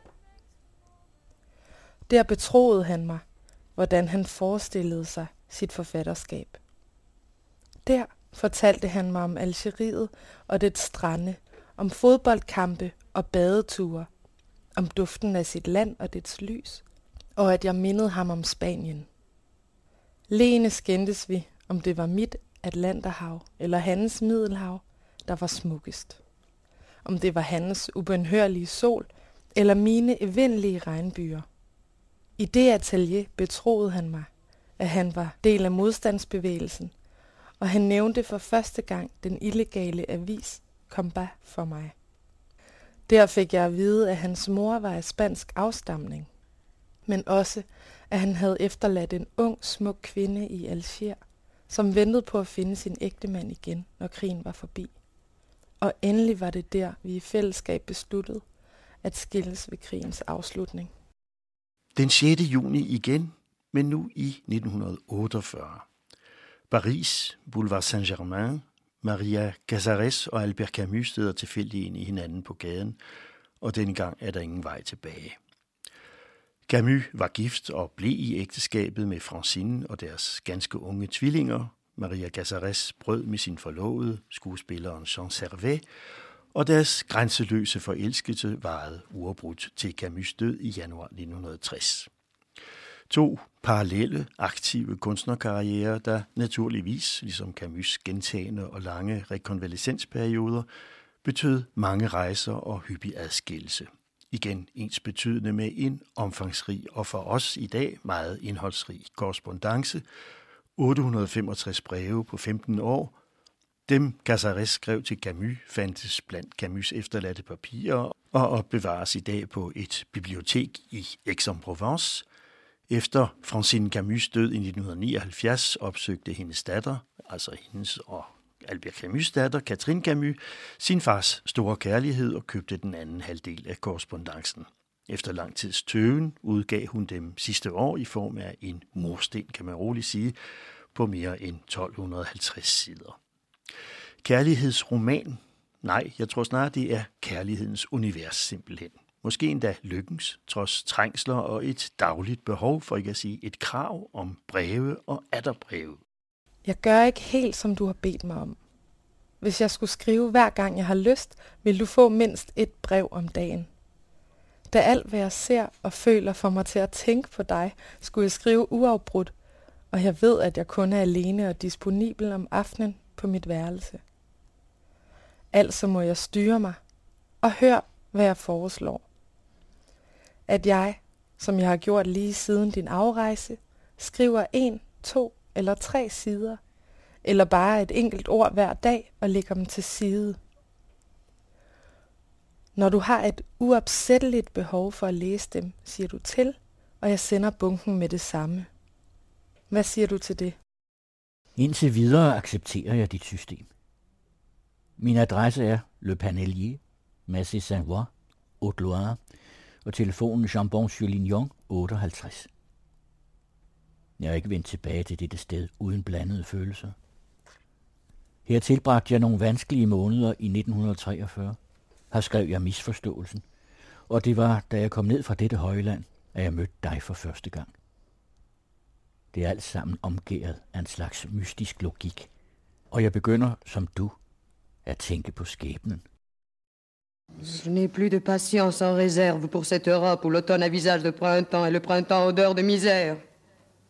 Mais j'imagine avec délice cet autre pays où l'été écrase tout, où les pluies d'hiver noient les villes, et où enfin les choses sont ce qu'elles sont. Pourquoi me regardez-vous ainsi? Maria Casares spillede allerede i 1944 Martha i Camus' andet skuespil Misforståelsen. Allerede før den 6. juni havde hun fået tilbudt rollen af direktøren for et parisisk privatteater.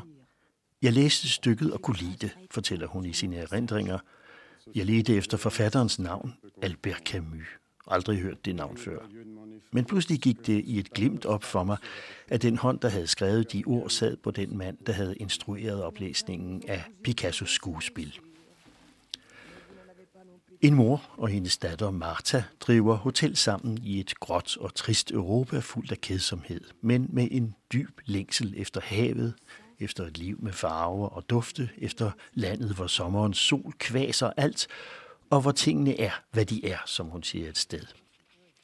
For første gang hører jeg dem tale et menneskeligt sprog, svarer Jean, en tilrejsende kunde på hotellet, men i virkeligheden hendes bror, der er vendt hjem fra havet i øvrigt, for at hjælpe de to kvinder. De tager fejl, svarer Martha. Det menneskelige sprog der er ikke det bedste ved mig. Det menneskelige er det, jeg begærer. Vous vous trompez sans doute. Ce que j'ai d'humain, c'est ce que je désire. Et pour obtenir ce que je désire, je crois que j'écraserai tout sur mon passage. Og for at opnå det, er jeg parat til at udslette alt, hvad jeg møder på min vej. Camus bevægede sig under krigen ind i det, han kalder oprørets cyklus, oprøret som den handling, der frem for nogen anden bekræfter vores menneskelighed og værdighed. Men der er noget, de to kvinder har misforstået, for det er ikke gæstfrihed, der driver deres værk, men gustent overlæg. De har appelleret til min menneskelighed, siger Martha Tejon. Deres besøg, fortsætter hun, ender med at komme til at tjene min lyst til havet og solens land. Votre langage est bien étrange. Deres tale er gådefuld, siger broren. Og det tør nok siges for de to kvinders måde at rejse sig mod deres kår på, deres oprør mod en utilfredsstillende og derfor uværdig tilværelse, består i at myrde deres kunder for at stjæle deres penge og altså fremme deres planer.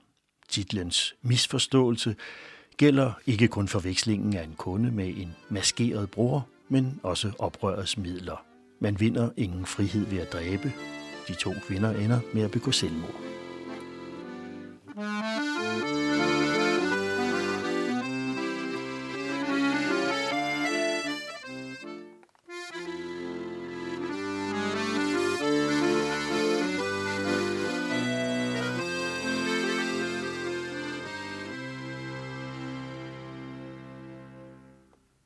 Skriv, skriv. Fortæl mig alt, hvad du har på hjertet. Fortæl mig om dit liv, og især om dit arbejde. Jeg har fortalt dig en masse om mig i aften. Fortæl nu dig. Jeg tørster efter dig. Glid ikke bort fra mig. Når du åbner dig for mig, forstår jeg om sider, hvorfor jeg blev sat i verden. Jeg elsker dig. Jeg rejser i morgen aften, lykkelig over at være alene, og skulle se de landskaber igen, jeg holdt så meget af som 23-årig. Jeg har ikke set dem siden, men de er mit fædreland. Jeg rejser med fornemmelsen af, at jeg for tid og evighed forlader krig, skrig og ulykke, og jeg skal genfinde den, jeg var. I hvert fald lidt. Blot vil jeg også gerne genfinde den indre styrke, som jeg havde dengang, og som gav mig en rolig sikkerhed. Den, der skrev og drev mig frem. Les ruines de Tipaza sur la côte algérienne s'élèvent à quelques pas de la mer. Sur la ville ancienne s'est greffé un petit village de pêcheurs et de cultivateurs où la vie est odorante. Plusieurs peuples, des dieux différents pendant des siècles se sont succédés là. Puis sur les coteaux qui dominent la baie, des colonnes couleur de pin remplacent les eucalyptus. Plus loin encore, sur la dernière pente déjà sableuse des collines, le tamaris et l'absinthe poussent entre des sarcophages. À la dernière pierre taillée qui se distingue à peine du rocher, commence la mer. Tipasas ruiner rejser sig på den algeriske kyst nogle stenkast fra havet. Til den antikke by har i dag føjet sig en lille fisker- og bundelandsby, hvor livet dufter godt. Der har mange folkeslag gennem århundreder levet med hver deres guder. I dag går man omkring i den glemte bys gader som i en lund af pomeranstræer. Og på skrænterne med udsigt over bugten har pinjefarvede søjler overtaget eukalyptustræernes plads. Endnu længere ude, på den nederste, allerede sanddækkede hældning, vokser tamaris og malurt mellem sarkofagerne. Ved den sidste tilhuggede sten, som dårligt kan skældnes fra klippen, begynder havet.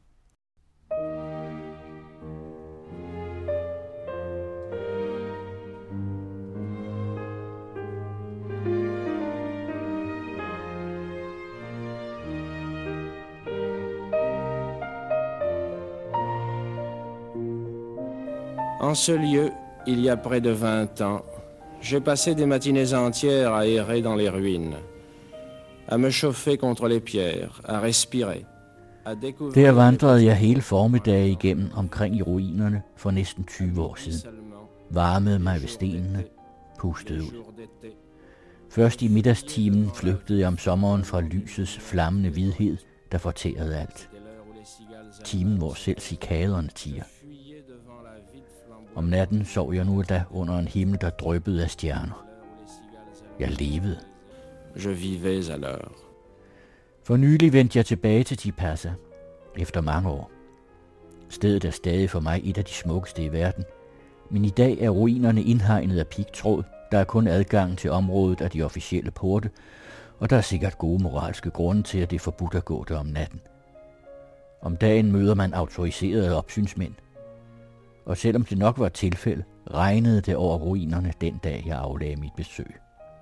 Je ne peux m'empêcher de voir un symbole dans ces deux images. Ces 20 ans qui séparent les ruines chaudes des barbelés, je les retrouve également en moi. J'ai été élevé d'abord dans le spectacle de la beauté qui était ma seule richesse. J'ai commencé par la plénitude et par cette liberté dont Proudhon dit admirablement qu'elle est un don de la mer. Puis sont venus les barbelés. Je veux dire les tyrannies, la guerre, l'insupportable haine, le temps de la révolte. Jeg kan ikke lade være med at se de to billeder som symbol. De 20 år, som adskiller ruinernes varme og pigtrådshegnet, genfinder jeg i mig selv. Jeg voksede op i et landskab af skønhed. min barndoms eneste rigdom.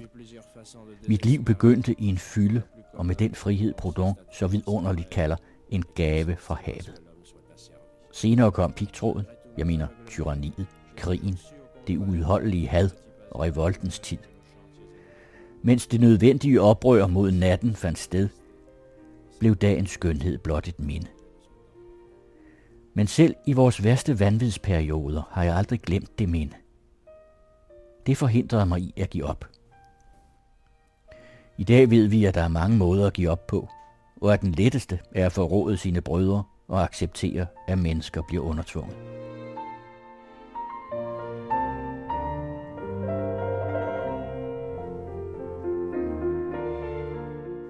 Men der findes altså en vilje til at leve uden at fornægte noget af det, livet byder. Og det er den dyd, jeg sætter højest i verden. Jo, skønheden findes, ligesom de ydmygede findes. Jeg vil ønske, at jeg trods mine fejl som menneske og som forfatter,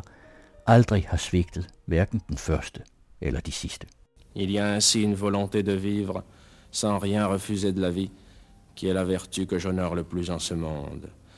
Oui, il y a la beauté et il y a les humiliés.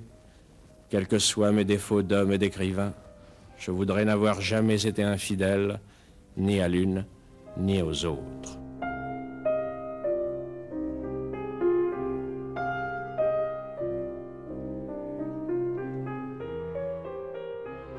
Elskede, jeg venter tålmodigt på spiritualitetens eller sensualitetens æra. Den ene eller den anden. Men jeg keder mig ihjel. Min eneste glæde, at du har fundet lykken igen. Glæden. Endelig finder jeg tid og kræfter til at skrive et par linjer. Vi prøver ikke i dag. Jeg skal ikke spille i aften. Vejret er bedre. Indtil nu har vi arbejdet, efter at solen er gået ned, så jeg er kommet i seng ved fire tiden hver aften og har som regel sovet til både klokken 1 og 2 om eftermiddagen. Grækenlands sol er forintet at regne mod den overnaturlige hvide tordenhimmel, som har hængt tungt over Avignon i nu tre dage. Det gik med det samme ud over din veninde fra Bretagne og hendes elever. Grøn salat, frugt og grillbøffer har ikke været nok til at forhindre hverken svedeture eller konstant kvalme. Slut med ord. Nu skal vi snart være sammen. Længe. Og alvorligt talt ønsker jeg kun ét. Stilhed sammen med dig. Dag og nat. Og at arbejde, mens du er omkring mig. Vi skal leve og elske hinanden. Det er det eneste, vi kan gøre i en verden uden fremtid. Angsten for denne verden i krig mange dobler min vilje til at være lykkelig. Nu ved jeg, at mit behov for dig blot er behovet for mig selv. Behovet for at være. For ikke at dø, uden at have været. For første gang tror jeg, at jeg vil kunne udfolde alt det, jeg er. Min prins, du skulle vide, hvor smuk jeg er for tiden. Rund, buttet, appetitlig som en saftig, storduftende fersken, fuldkommen et med mig selv. Hvis du bare et sekund gjorde dig bevidst, hvor højt jeg elsker dig, vil du eksplodere som frøen af stolthed og glæde. Syv år, og vi står stadig fascineret over for hinanden, som på den første dag. Jeg læser og genlæser dit sidste brev, der smager af alle de andre, og jeg skælver, når jeg læser dine kærlighedserklæringer. Og mit hjerte og min sjæl vokser umådeholdent i kraft af dig, i kraft af os. Er det ikke det, man kalder det evigt gentagende mirakel?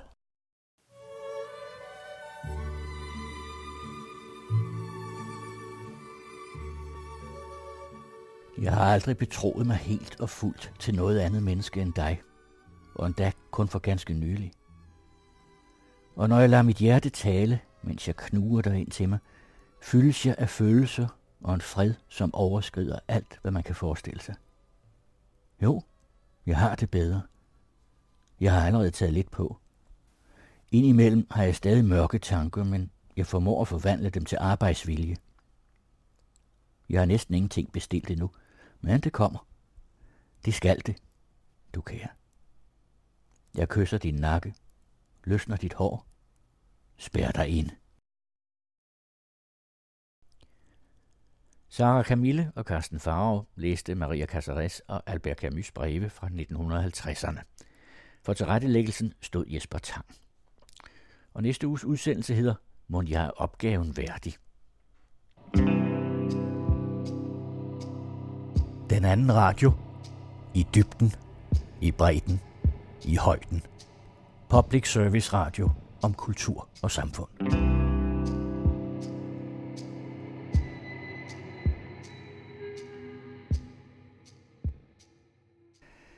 Her skal vi nu lytte til en af forfatteren Peter Zapfes refleksioner.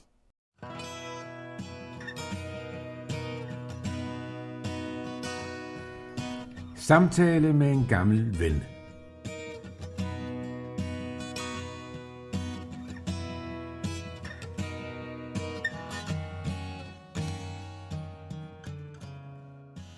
Den er slet ikke til at genkende verden derude, siger jeg.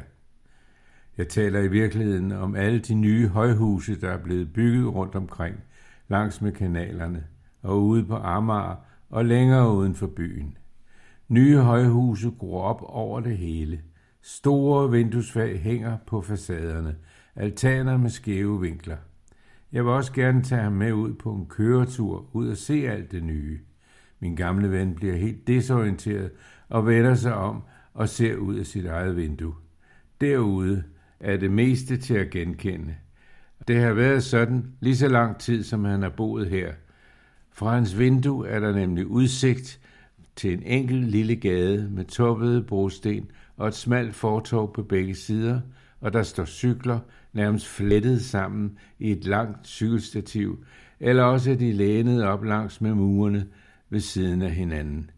Der står langt flere cykler her i gaden, end der er ansatte på plejehjemmet, og garanteret flere, end der også er beboere, og flere end alle de besøgende. Men fliserne i fortorvet markerer, at her stiller man altså ikke sin cykel, sin knallert eller sin Christiania-vogn. De fylder og forhindrer beboerne, altså de gamle, der bor her, dem med rollator og dem, der ellers går dårligt, i at kunne færdes udenfor sikkert og ukompliceret. Det er også plejehjemmets ansvar at sørge for, at her har man helt fri adgang til at gå ud og ind af plejehjemmets glasdøre, fri plads til at kunne svinge rollatoren til den ene eller den anden side, og fri plads til at finde den række fliser, som man kan følge for at nå frem til hjørnet og videre afsted til sikkerhed og til at kunne krydse fodgængerovergangen og nå over gaden og komme ind i parken med de knasende stier og det snedækkede græs og videre hen til et forpustet hvil på en medbragt gammel lokalavis, og så vifte sneen væk på en af bænkene, der hvor der er udsigt til legepladsen med alle de lejende og larmende børnehavebørn. Børnenes lune heldragter er alle sammen i forskellige farver, og du kalder dem små bolcher i sneen. Sans for farver, det har du stadig. Men som vi nu sidder her, sænker stillheden sig mellem os. Hvorfor er det altid mig, der skal starte en samtale? Har du set noget til din datter, spørger jeg. Det gør jeg, fordi jeg lige har talt med hende i forgårs, for at høre, om hun har besøgt ham her for nylig, eller om hun har planer om at gøre det i nærmeste fremtid. Hun har været der i sidste uge og har børnebørnene med, og der lugtede på hans værelse, så de var der ikke i lang tid. Der var også en masse gentagelser i det, han kunne fortælle. Alt sammen noget, hun vidste i forvejen. Det var alle de kendte drømme og forestillinger og uopfyldte planer, og det smertede hende. Hun havde det ligesom mig. Det er uforståeligt igen og igen at skulle høre på alt det, vi godt ved. Det samme, som han også fortalte sidste gang, og også i mobilen, efter han havde fundet den frem, når jeg har ringet til ham for syvende gang, og den er blevet en smule opladet, og ikke mere skjult i hans seng et eller andet sted, og bare ringer og ringer. Det er tydeligt, at fremdriften i din tilværelse er forsvundet. Tidsfornemmelsen, sansen, der opfylder og styrer mod et mål, og kan erkende, at det, der sker, også er forsvundet for dig. Når folk så spørger til dig, hvad skal man så sige? Hvad er det for en smertelig sandhed, du efterlader os i? Har du glemt, hvad det er, der er forsvundet? Det er ligesom det er et hovedtandhjul, en meget afgørende del. Den del, der styrer og koordinerer. Du reagerer som sædvanligt, som mange andre folk ville gøre, men spørger man dig så til den aftale, vi har lavet, er den der ikke mere. Aftalen er blevet til en eller anden dag, et tæt abstrakt tidspunkt, som symbolsk er anbragt et løst sted i din private kalender, i din egen hukommelse, hvor man kun kan komme til af knudrede veje. Og pludselig bliver du så træt, rejser dig og går, forsvinder uden at sige farvel.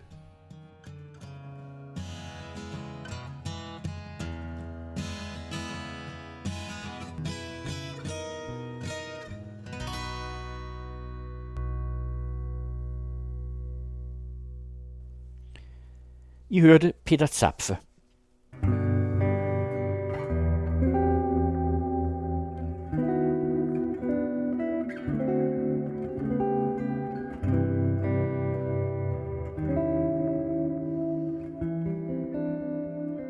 Du lytter til den anden radio.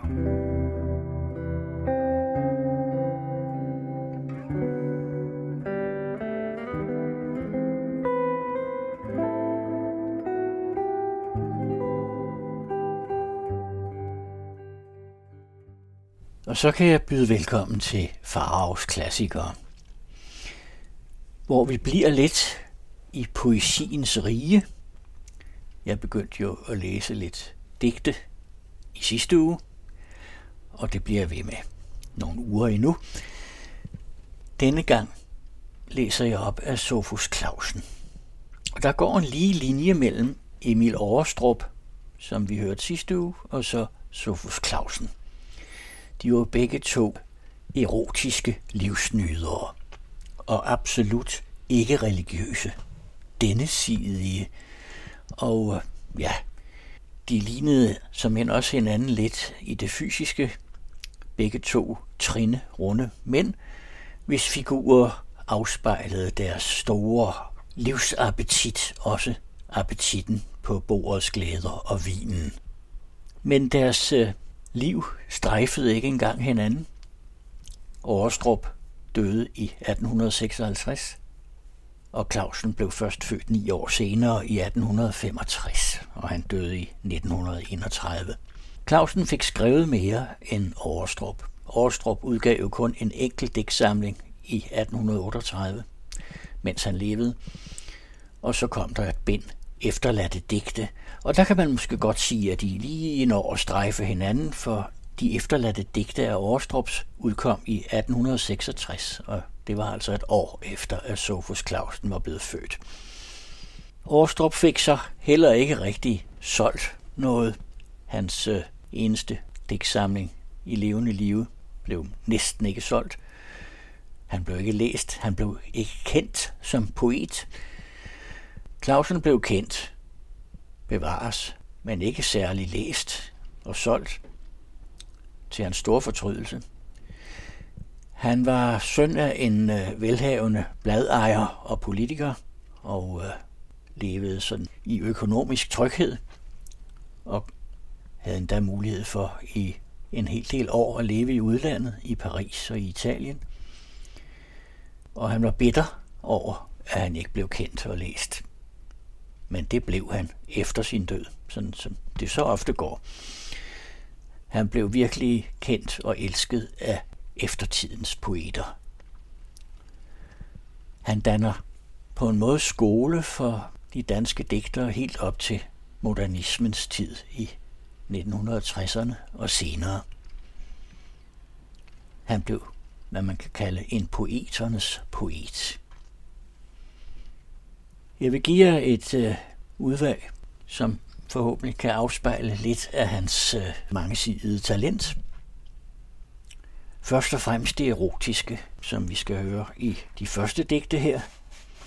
For eksempel i et, der hedder En frugthave. Og det stammer fra samlingen Pilefløjter fra 1899. Faldt der storm over solstille flade. Min sjæl flagrede op som et lin. og en lynflink tordenkaskade skyllede regn over grønne blade. Da det blev tyst, var du min. Der er fugtigt i Stikkelsberggange, og dufter, nu det er tyst, fra det dyngvåde græs og de mange kirsebærblomster, som prange skært mod et lufthav så lyst. Lad mig vandre herind ved din side, mørkøjet jomfru fin. Dine hænder, de frugtblomstvide, lad tæt mig om livet glide, du min smidig rankende vin. Og din kind, den æbleblomstrøde, læn mod mig og kys min mund. Dine læber er vellugt søde, men de sarteste kærtegn gløde fra øjnenes mørkblanke grund. Har din arm om min hals jeg trukken, og din barm mod mit hjerte tæt, så jeg hører din sateste sukken. Der fryser jeg ikke i dukken. Der bæver jeg særlighedslet. Mod solnedgangsblået højne, frugtblomsterne deres pragt. Foran mig to undrende øjne. Foran mig din barm og din nøgne arm mig om nakken lagt. Du er våd om din fod, du rene, og krydret som frugthavens lugt. Lad os kysse tyst og alene. Vi er selv som to æblegrene, skal blomstre og bære frugt. Og digtet Rejseminder stammer fra den næste digtsamling, Djævlerier, som udkom i 1904. Og det var på Skanderborg station, der blev mine tanker for fløjne. Jeg så en nydelig ung person med nødebrune øjne. Kokette øjne, men tavs og bleg, med ansigtstræk så skære, en 19 års barm til en fin figur, spinkel og hofterne svære. Et kysk og forvågen borgerbarn med restløse sommerfuglemmer af gangens og holdningens æggende kraft, endnu jeg et gentryk fornemmer. Ti det er et minde fra sovløse år, før hyggeleriet og våset, fik trykket vor unge lyst ihjel, om ej det var mund fik låset. Der lidt blev favnet, men meget nyt, og alt og alle begæret, da sindet lå åbent og blodet frit, som sommerhavet og vejret. Jeg husker de brune øjne, hvor trist hun blev, da hun så os drage, til det var på Skanderborg station. Der stod hun alene tilbage. Men jeg drog mod nord, over land og sø, og sommerberust mig kendte, og da jeg så ind på himmelbjerget, de brune øjne mig brændte. De brændte så sødt, de brændte så hit, jeg drømte, jeg tog hende med mig. Hun duftede af blomster, viol og reseta og kyssede lindring og fred mig. Så stærke kys fra en ærbar mund. Var kaffen ej blevet serveret, den unge frøken fra Skanderborg vist havde sig kompromitteret. Og disse ærbare borgerbørn, de må deres hjerter ave. Pyntelig blomstrer den stærke reseda i faderens lille have. Der findes så mange borgerbørn, som gør vores tanker for fløjne. Jeg mindes vel 20 med himmelblå og 10 med brune øjne. Der findes så mange sirlige små, som gav os en dans og en rose. Rejseminder og alfebedrag, der svinder for dag over mose. Men disse blomster fra unge år, dem sankede jeg til dynge, og når jeg mærker den flygtige duft, begynder mit blod at synge.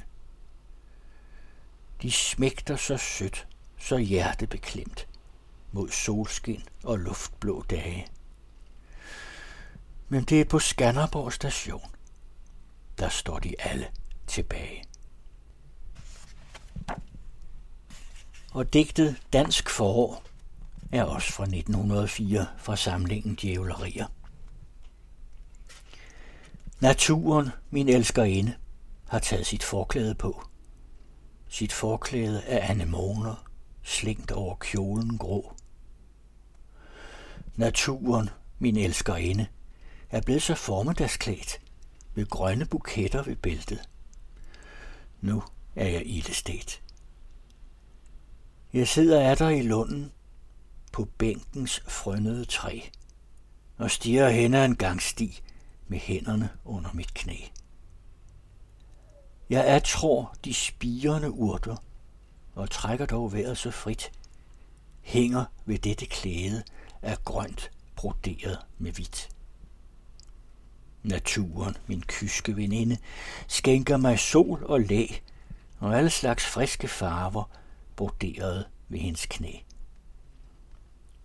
Men bliver det mit hjerte forbruget, så slår der en nattergal i haven til tegn og til trøst, at en anden er lige så gal.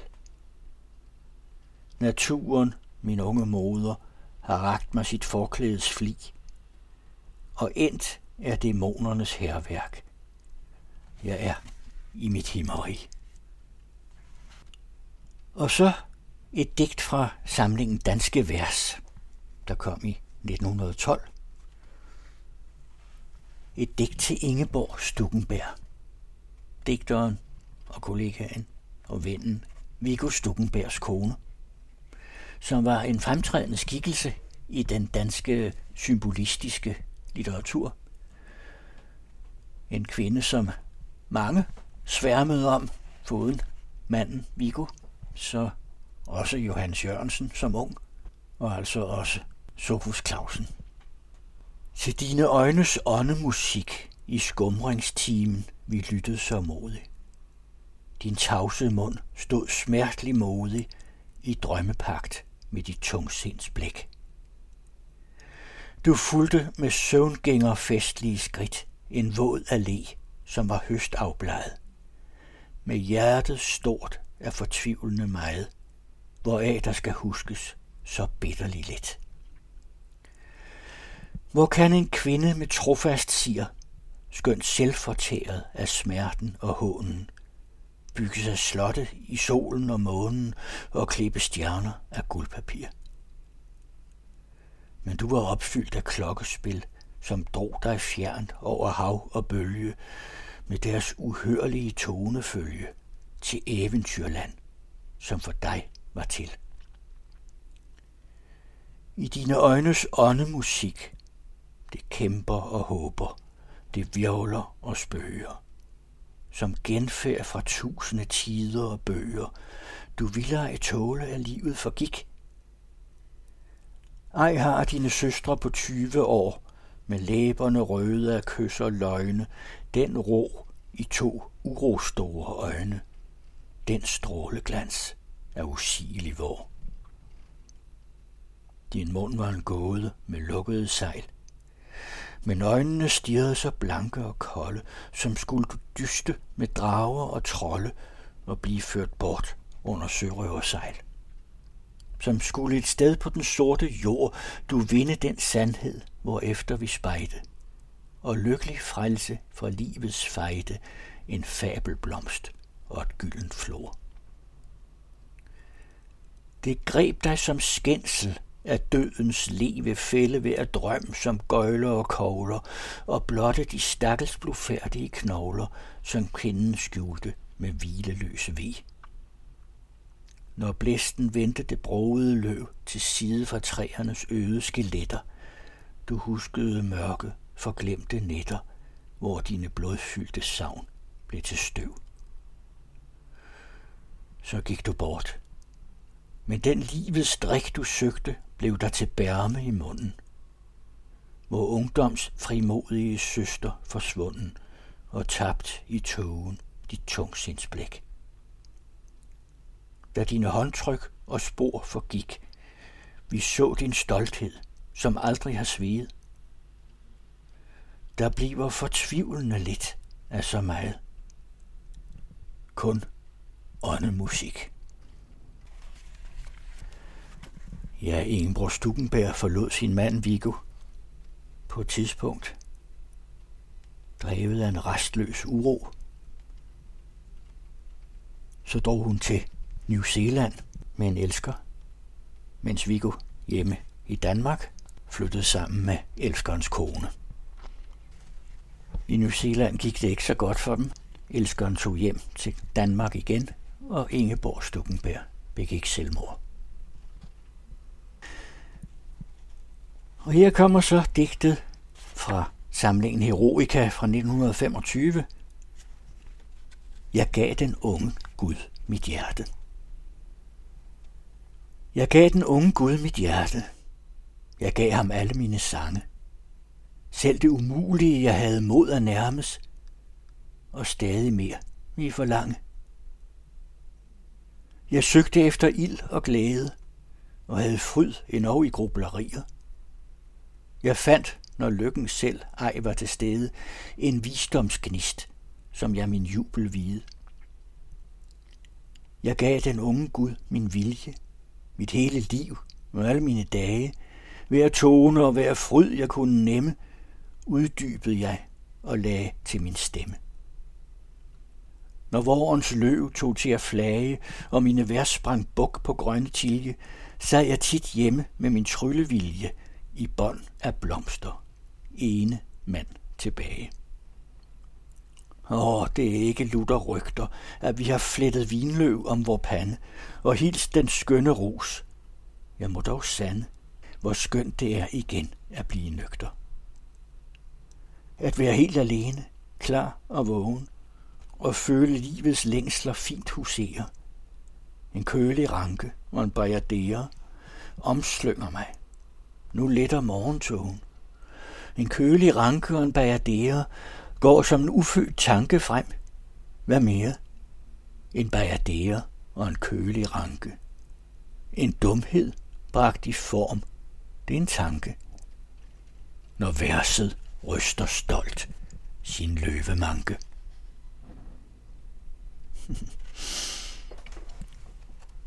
Ja, det er jo en slags poetisk trosbekendelse.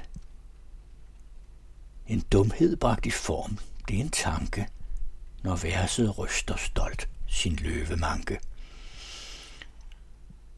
Det vil sige, at den poetiske form er meget vigtig.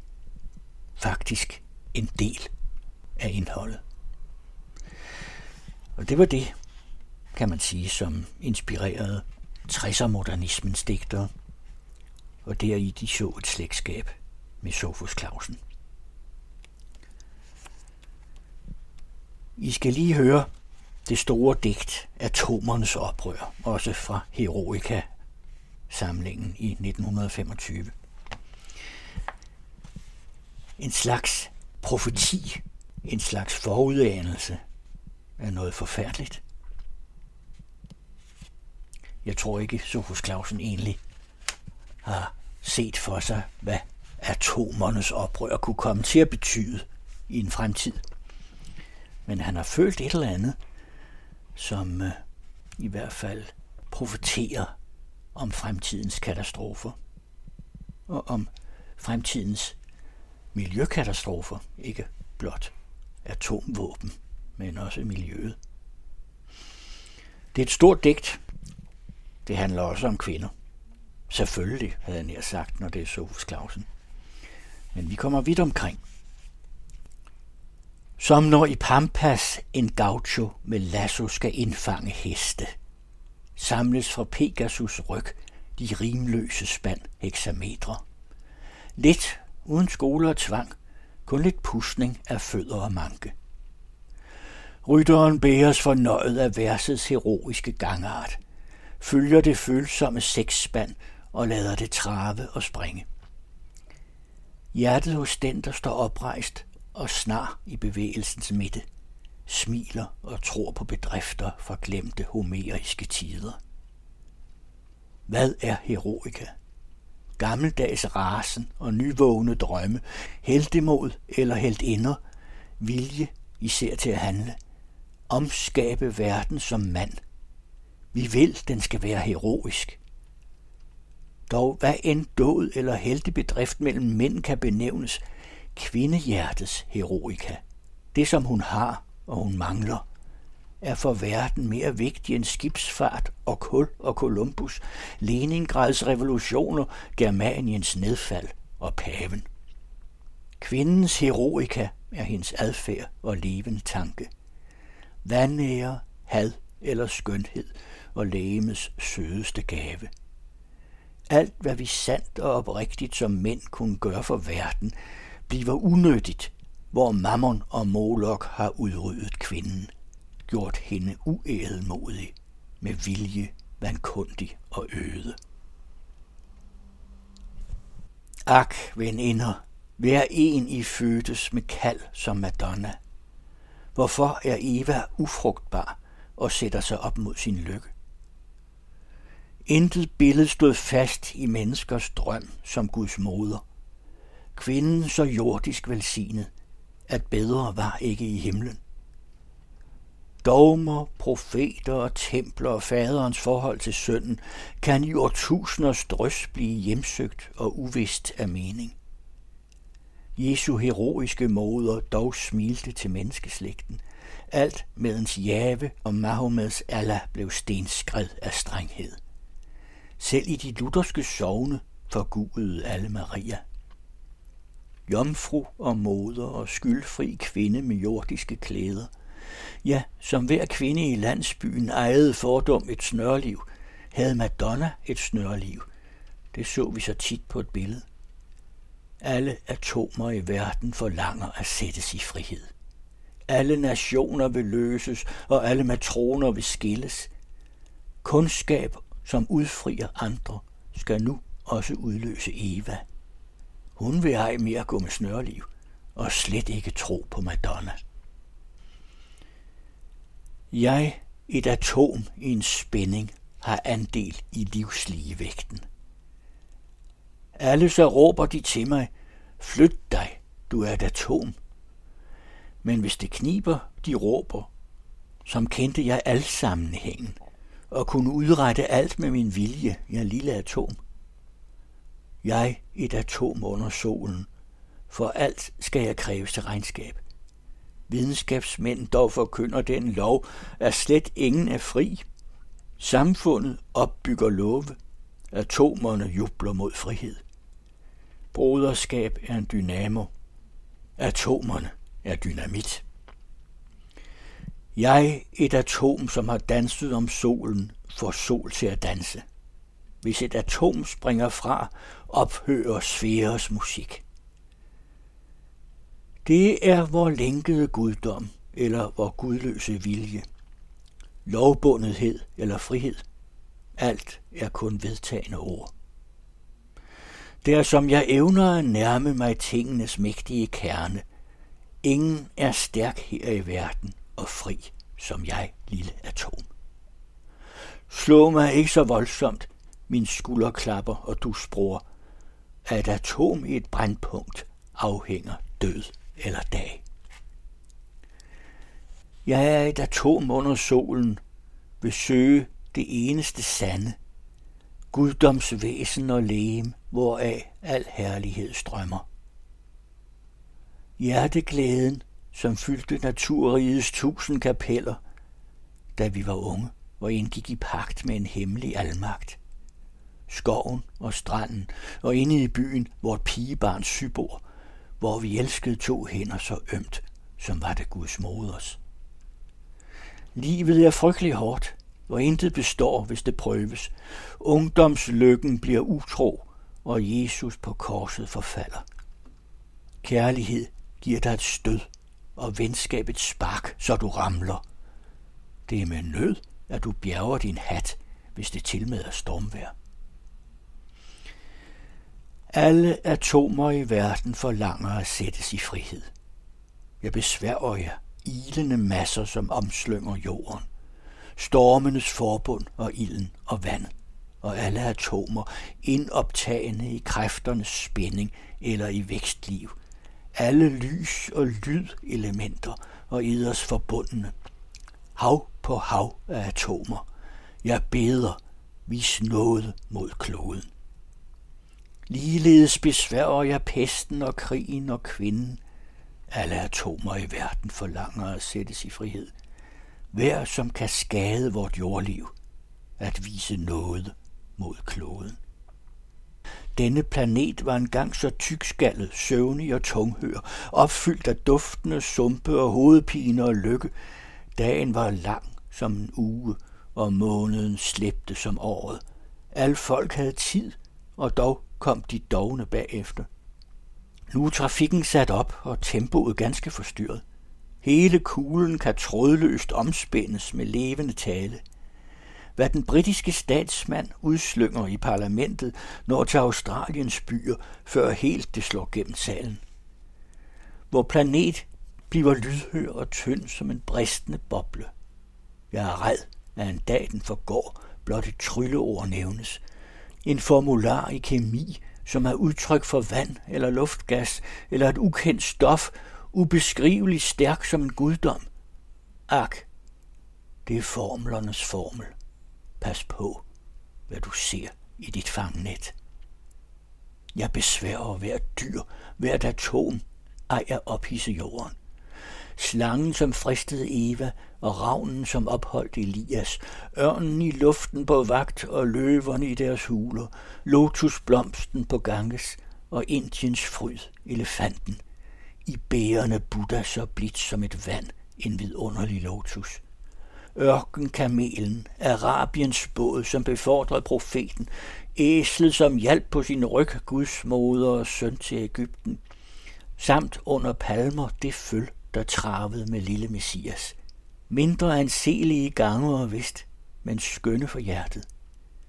Endelig beder jeg om noget hos påskelammet og fisken, at de ikke for stærkt hos Herren forklager vor klode, for vi har fundet vor vej og vist os svanger med vilje. Han kunne brænde den op, eller sætte den helt ud af omløb. Alle atomer i verden forlanger at sættes i frihed. Alle nationer vil strides, og alle forbundne vil skilles. Jeg, et atom under solen, jeg anråber lande og bølger, træer og sten og metaller, dyr og fugle som ånder, strømmen i havenes dyb og ilden i bjergenes indre. Der som vores stjerne kan frelses, der lad os ej voldens skade.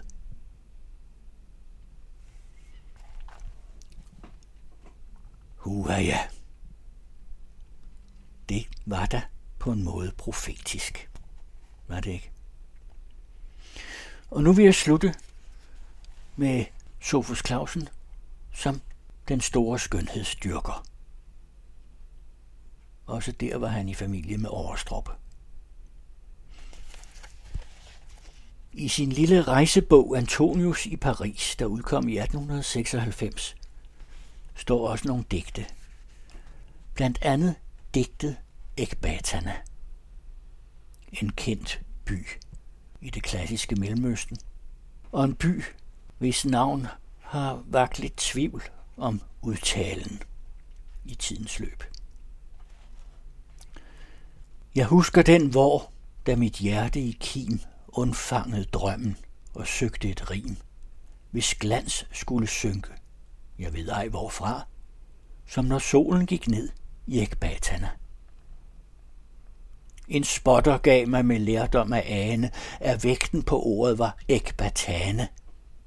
Den travrige tosse, han ved ej da, at hjertet, det elsker ekbatana byen med tusind henslængte terrasser, løngange, svimlende mure, som passer der bagerst i Persien, hvor rosen er fra, begravet i minder. Ekbatana. Hin fjerne, hvor, da min sjæl lå i kim og drømte umulige roser og rim, er svunden, skønt luften var lys, også da, som den sol, der forsvandt bag Ekbatana men drømmen har rejst sig en vor i Paris, da verden blev dyb og assyrisk og vis, som blødte den yppigste oldtid endda. Jeg har levet en dag i Ekbatana. Min sjæl har flyttet som en syringssatoner til solfaldet farvede parkernes kroner, og hjertet sov ind i sin højhed, som fra en solnedgang over ekbaterne. Men folkets sæder, den stoltes bedrift, hvad nyt og sælsomt skal levnes derfra? En redsel, et vanvid i kileskrift på dit dronningelæm, ægbaterne. Men rosen, det dyreste verden har drømt, al livets vellyst, hvad var den da? Et tegn kun, en blomst, som blev givet på skrømt ved en kongelig fest i Ekbatana. Da blev jeg tålmodig og stolt. Jeg har drømt en dybere lykke, end nogen har tømt. Lad syndflodens vande mig bære herfra. Jeg har levet en dag i Ekbatana. Så vidt Sofus Clausen. Jeg fortsætter med stor lyrik også i næste uge, og der skal I høre noget smukt, men helt anderledes. Det bliver nemlig Johannes V. Jensen som lyriker. Nu har Kirsten Røn Henrik Engelbrecht i studiet. Han fortæller om sin nye bog Hjertet bræst i toner med H.C. Andersen i operan.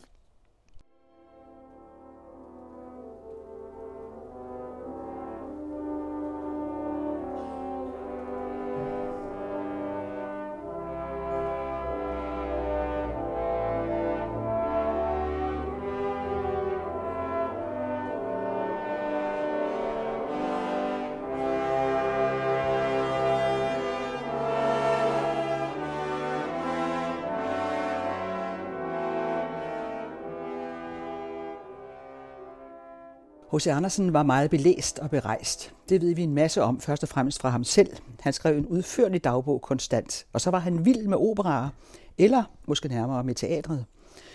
For på hans tid blev der spillet meget forskellige repertoire på teaterscenerne, og han så alt det, han kunne komme i nærheden af på sine mange rejser. Men operaerne, sangerne og musikerne var nok det, der stod hans hjerte nærmest, og det har du skrevet en bog om. Når der nu er skrevet så meget om H.C. Andersen, hvordan fik du så den idé at skrive om hans forhold til operaerne? Altså, nu har jeg jo beskæftiget mig med opera i hele mit liv næsten, og, og jeg har researchet en del på dansk opera, og øh, jeg har stødt på hans navn igen og igen, fordi han bliver citeret i rigtig mange sammenhænge, og jeg tænkte, hvad sker der egentlig, hvis man nu systematiserer det her en lille smule? Dukker der så ikke noget mere op? Og så gjorde jeg det faktisk i begyndelsen sådan lidt ustruktureret. Jeg begyndte bare at søge i hans øh, dagbøger, det ligger på nettet alt sammen, så man kan fritekstsøge. Så finder man ud af, når man fritekstsøger på noget, hos Andersen har skrevet, så finder man ud af, at det kan man ikke, fordi han kan ikke stave. Men jeg fandt i hvert fald nogle ting frem på den måde, og der kunne jeg jo godt se, at der lå rigtig meget. Og min første tanke var, det er der jo en, der har skrevet en bog om, den vil jeg finde. Og så ledte jeg, og det var der ikke. Der var ikke nogen, der havde skrevet den bog om H.C. Andersens forhold til opera. Og så tænkte jeg, det kunne jo godt være, at det var det, jeg skulle gøre. Jeg snakkede også med nogle kloge hos øh, Andersen-folk fra øh, museet i Odense, og de kunne så bekræfte, at det er der faktisk ikke nogen, der har gjort. Og derfor tænkte jeg, lad mig se, om jeg ikke kan lave en lille bitte tynd bog i hvert fald om det. Og så gik jeg i gang med 4.500 siders dagbog. Og øh, da man jo altså ikke rigtig kan fritekstsøge i, i, i H.C. Andersens sådan, øh, kan man sige, kreative måde at, at, at stave især navne på, så er der kun én måde at gøre det på. Det er simpelthen ved at tage dag for dag og finde ud af, skriver han noget om, at han har været ind og set en opera der? Hvad har han set? Hvad synes han om det? Og da jeg var færdig med 4.500 siders dagbog, plus pænt mange hundrede øh, breve, så havde jeg sporet ham tusind gange faktisk lidt flere end tusind gange, hvor jeg ved, hvilken opera han har set i hvilket teater, og i rigtig mange tilfælde også, hvad han synes om det. Og det var ligesom grundstammen, og den grundstamme er faktisk kommet med i bogen. Der er en registrant om bag bogen, hvor man simpelthen kan følge ham på rejserne øh, og, og se præcis, hvad han ser. Og der er, altså, det, det er jo øh, næsten manisk, når man ser hvor ofte han går i teateret. Når man så læser dagbogen, samtidig finder ud af, hvor dårligt han har det, samtidig med, at han går i teateret, hvor ondt han har i tænderne, og hvor meget han går på toilettet, og, og hvor, hvor forfærdeligt livet egentlig er. Men alligevel, i teateret, det skal han, og helst til opera. Han går jo også ind, som du siger, og, og, og ser øh, andre former for teater, men det er helt tydeligt, at, at opera er det, der er vigtigt, og det er han ikke alene om, fordi sådan er det på den tid. Det er simpelthen, opera er det, det er fuldstændig alt overskyggende underholdningsmedie på det her tidspunkt. Det er det, alle helst vil ind og høre, hvis de overhovedet har mulighed for det. Øh, og i København er der jo kun én mulighed i den første del af H.C. Andersens liv, nemlig at gå i det kongelige teater. Men når han kommer ud og rejse fra 1831, hvor han jo rejser ud i verden, der opdag, oplever han jo byer som, som Paris og Berlin og, og øh, Napoli, øh, Milano, hvor der er mange operahuse i en relativt lille by. Paris er jo ikke nogen lille by, men, men, men alligevel i forhold til, til, til det, han er vant til, er der et kæmpemæssigt udvalg og masser af muligheder for at se forskellige ting. Men for lige at starte med hans første år i København, for han havde nogle meget svære år, efter han var kommet til København som ganske ung, eller nærmest en stor dreng. Ingen penge, og nogle gange boede han nærmest i et klædeskab eller i et elendigt hul. Men han havde en evne til at klæbe sig fast til indflydelsesrige personer. Så han fik jo efterhånden sin gang hos flere af dem. Og nogle gange strejfer det en, at han må have været lidt irriterende. Men kunne folk virkelig se noget i ham så tidligt? Øhm, de fleste synes jo, at han enten var, netop som du siger, meget irriterende eller gal. Altså, hans mor tænkte også, at han må være sindssyg. Altså, der, der var noget galt med ham, men jeg tror egentlig, hun var meget lettet, da han jo altså får skrabet penge nok sammen, 13 rigsdaler, til at tage til København i, for præcis 200 år siden i år, 1819, tager han til København. Han tager jo til København med ambitionen om at blive operasanger og skuespiller på det kongelige teater. På det tidspunkt skældner man ikke mellem, om man er skuespiller eller operasanger. Det er de samme 24 fastansatte mennesker, der laver begge dele. Alle roller i alle skuespil og operaer bliver lavet af 24 mennesker. Så forestil dig, at det er Tommy Kenter og Sofie Gråbøl, der synger opera på det kongelige teater. Det er der, vi har været. Og det kunne man sige, der kunne han måske godt have fulgt med. Men altså, han kommer til, til København som 14-årig med næsten ingen penge på lommen. Og måden, han skaffer sig noget at spise på, det er jo simpelthen ved at gå rundt til velstillede mennesker i byen og banke på deres dør. Og der er beskrivelser af, hvordan han har gjort det her, og det, altså, man, man tænker, at, at de må have givet ham noget af ynk, øh, eller øh, tænker, at øh, det er jo synd for ham. Fordi altså, han stiller sig op og, og, og siger på sin patetiske måde, tillad mig at udtale et digt om mine følelser for nationalscenen. Så, så tænker en 14-årig dreng, øh, han er jo 1,85 høj, det er jo helt usædvanligt højt for den tid. Han har noget tøj, der ikke passer. Han har kæmpe store fødder. Han har en stumpe, sådan en stumpejakke på, og, og så taler han jo altså med fysisk sang. Hans stemme er ikke gået i overgang, og han tror, han skal være operasanger på det kongelige teater. Og han går direkte til bidet, han går direkte op til teaterchefen og siger, øh, jeg er den næste store stjerne her, og så siger teaterchefen, undskyld, men her der øh, ansætter vi altså kun dannede mennesker, og de er jo også alt for tynd. Og så siger H.C. Andersen, i hvert fald ifølge sig selv, vi har kun ham selv som, som kilde, og han er altså ikke altid den, den mest, ved vi, pålidelige kilde, når han, når han genfortæller sin egen historie. Altså for eksempel Mit livs eventyr, det er, kan man sige, pæn, en pæn portion fiktion. Men han siger selv, at, at han svarede teaterchefen på det der med, at han var tynd. Der svarede han, at, at jamen, så snart han blev fastansat, så ville han jo kunne få råd til at spise sig tyk. Jeg har en mere på fornemmelse, at det er måske det, han er gået hjem og tænkt, ah, det var det, jeg skulle have sagt, hvis jeg nu havde husket det. Men igen, H.C. Andersen, der er meget, meget stor forskel, også senere, når han, når han skriver om sine teateroplevelser, meget stor forskel på den, den oprindelige udgave i dagbogen, som er den, han skriver, når han kommer hjem, lige med det samme, inden han går i seng, så skriver han i dagbogen. Og så den, kan man sige, iscenesættelse af virkeligheden, mm. som han viser omverdenen. Mm. Altså historien om ham selv, han er utrolig bevidst om sit image, øh, som, som måske en af de allerførste digtere, er, er virkelig utroligt bevidst om, hvordan han fortæller historien om det her med, at han jo kommer fra ingenting, og han selv har arbejdet sig op. Men så skal han jo også passe på, at det skal jo heller ikke være alt for sølle, det der, han kommer fra, så han lyver om det hele. Og jeg kan godt forstå, at han lyver om, om en del ting omkring, øh, omkring barndommen. Øh, det har været helt usandsynligt barsk, det han har været udsat for i Odense. Både i hjemmet, øh, hans mor var alkoholiker, og hans far døde jo, da H.C. Øh, Andersen var 11 år gammel. Han har ikke haft noget egentlig hjem, efter han var 11. Det har han ikke. Moren har, øh, var, var, tror jeg, pænt ligeglad med ham. Mm. Og han har, han har jo så hudlet sig lidt igennem. Altså, han har arbejdet på en tobaksfabrik og på en klædefabrik i, i Odense også. Og, og det har været barsk. Altså, de, man sætter 11-årige, 10-11-årige børn sammen med tugthusfanger på den her tobaksfabrik. Og der er en af dem, der på et tidspunkt hiver bukserne af ham, fordi han synger. H.C. Andersen er meget glad for at synge. Og så, og så synger han, og han har jo den her lyse stemme. Den er jo ikke gået i overgang. Og så er det en af de her tugthusfanger, der hiver bukserne af ham, for lige at tjekke, om han nu er også en lille jomfru, som H.C. Andersen skriver. Og, og, og det er måske, altså man sige, vi ved jo, vi ved ikke rigtig noget om det her. Jeg har på fornemmelse, at der er sket lidt mere end det. Altså jeg tror simpelthen, altså, fordi altså, øh, misbrug har jo været fuldstændig udbredt på det her tidspunkt. Kvinder i, i Odense, i det sociale lag, H.C. Andersen han bliver født ind i, øh, de er næsten alle sammen på en eller anden måde deltidsprostituerede. Det er simpelthen en måde at overleve på. Ja. Men da han så har været igennem alle de der forsøg og håb om at blive balletdanser, skuespiller, sanger osv., så er det jo det, han går i gang med, det han virkelig kan, nemlig at skrive.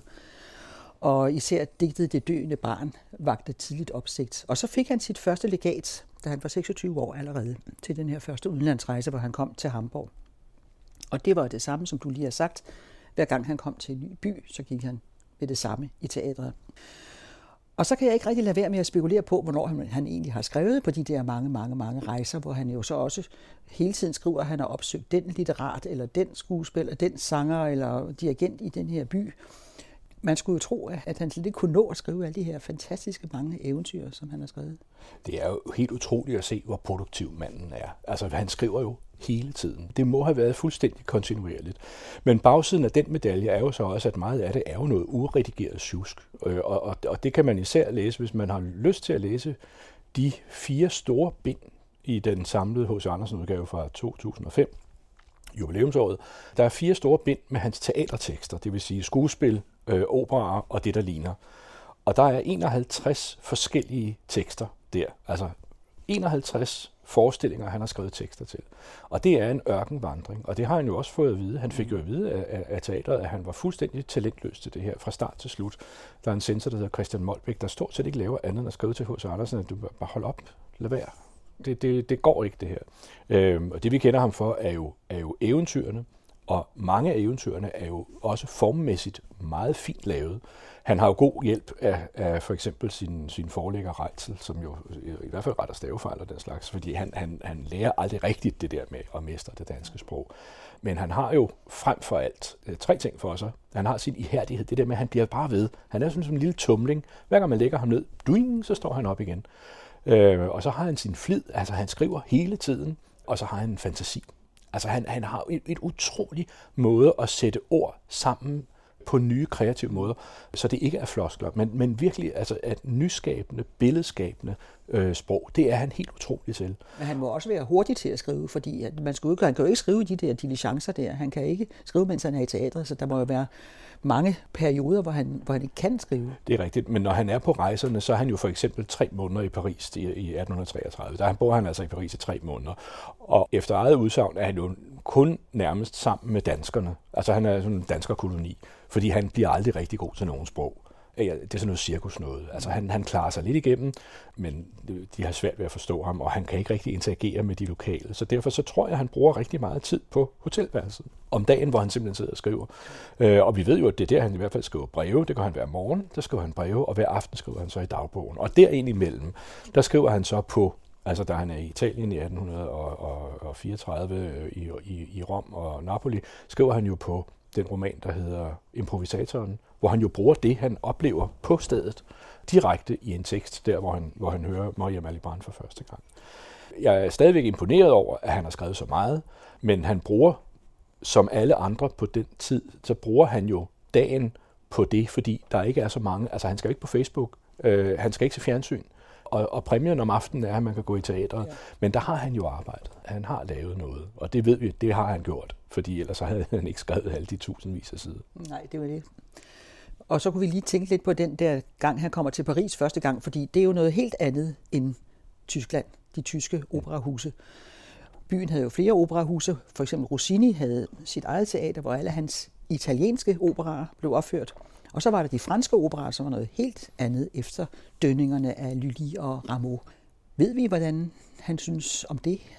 Han skriver selv, da han kommer til Paris første gang, at det her, det er helt anderledes end derhjemme. Og han skriver egentlig noget interessant. Han skriver, musik og sang var som det plejer at være. Og der kan man sige, det kan både betyde, som det plejer at være. På det tidspunkt har han både været i Berlin og, og, og Leipzig, Dresden, Hamburg. Så der han har noget at sammenligne med, øh, som ikke nødvendigvis er København. Men, men han skriver, men, men dekorationerne, det er helt enestående fantastisk. Dekorationerne her i Paris, der kan de noget. Han skriver, at det her det er ikke bare teaterstats, det er virkelighed på scenen. Og det han mener med det er, at i Paris, der laver man noget andet i København. Hvis man for eksempel i København skal lave et græsk tempel, så har man et malet ladersbagtæppe, sådan en rullegardin, som man hiver ned, hvor der er malet et græsk tempel på. Og hvis det går rigtig højt, så har man et papsæt stykke, et fladt stykke pap med en græsk søjle på, malet på. Det er det. Men i Paris, der bygger de af træ et græsk tempel i 3D, som man kan gå ind og ud af. Og han har aldrig set noget lignende. Han kan slet ikke se forskel på, på, på, øh, på virkeligheden og det, der sker på scenen. Det er den store forskel for ham ved at gå i, i øh, Paris Operaen. Og der har vi så også Robert Le Diable, Ja. som bliver urført, mener jeg, i 1833, øh, Meyerbeers 31, ja. 31, hvor han netop også skriver, at det er et udstyrsstykke, som man aldrig har set mere Ja, ja, til. Kunne du fortælle lidt om netop den opera? Ja, og, og, og det er jo sådan en opera, alle må se, fordi det er noget svineri. Og det svineri, det skal vi se, for hvad er det for noget? Og som titlen siger, Robert Le Diable, vi har at gøre med en mand, der har indgået en pagt med djævlen, og, og han har så nogle evner. For eksempel er der en berømt scene, som H.C. Andersen bliver meget, meget fascineret af og skriver om. Øh, øh, en scene, som foregår på et nonnekloster, hvor man har en kirkegård, hvor de døde nonner ligger. Og så øh, øh ham her, Robert Le Diable, han har jo visse forbindelser, så han sørger for, at de her døde nonner, de står op af deres grave, og så danser de rundt, så kaster de ligedragten, som H.C. Andersen skriver, og danser nøgne rundt, bare med lidt tyld på kroppen. Og H.C. Andersen, han er, altså, øh, han han jo, tror jo næsten ikke sine egne øjne. Altså helt nøgne er de jo ikke, de har jo trikot på. Det er jo balletdansere, der laver balletscenen i tredje akt i øh, Robert Le Diable.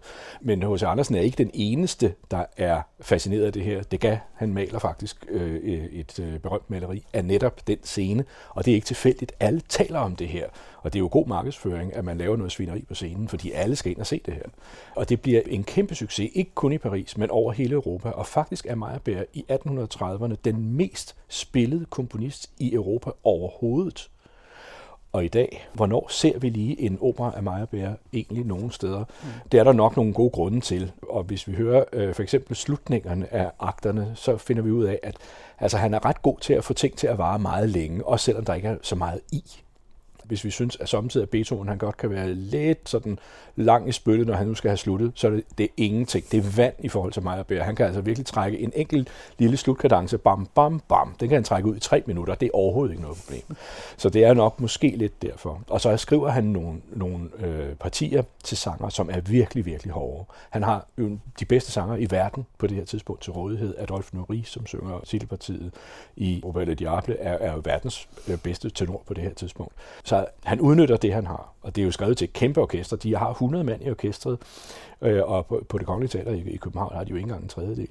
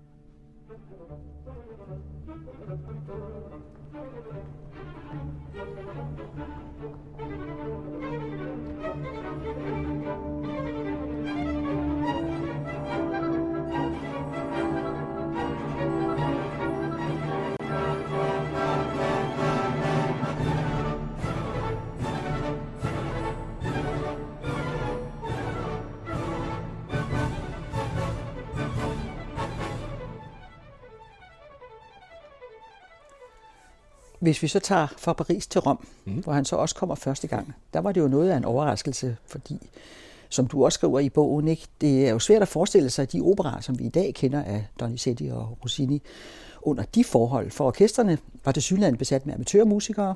De var guldsmeder og barberer om dagen, ikke? og ja. der var bare sådan et par stykker her, et par stykker der, mens sangerne på scenen overhovedet ikke kunne komme ud mm. over rampen, fordi publikum de sad dernede og snakkede med hinanden og lavede forretninger osv. Ja. Altså, det må jo have været en eller anden overgang, fordi det er jo ikke noget, der kunne have været blevet ved. Men H.C. Andersen er vant til lidt af hvert, og det har han været helt fra starten. Allerede i Odense har han oplevet øh, teater, da han er dreng, var dreng. Øh, har han oplevet teater, dels med det sådan faste ensemble på Odense Teater, som faktisk i øvrigt var tyskere. Det var sådan en omrejsende teaterselskab, som havde fundet ud af, hov, der er ledigt her. Og så laver de så teater og opera på tysk.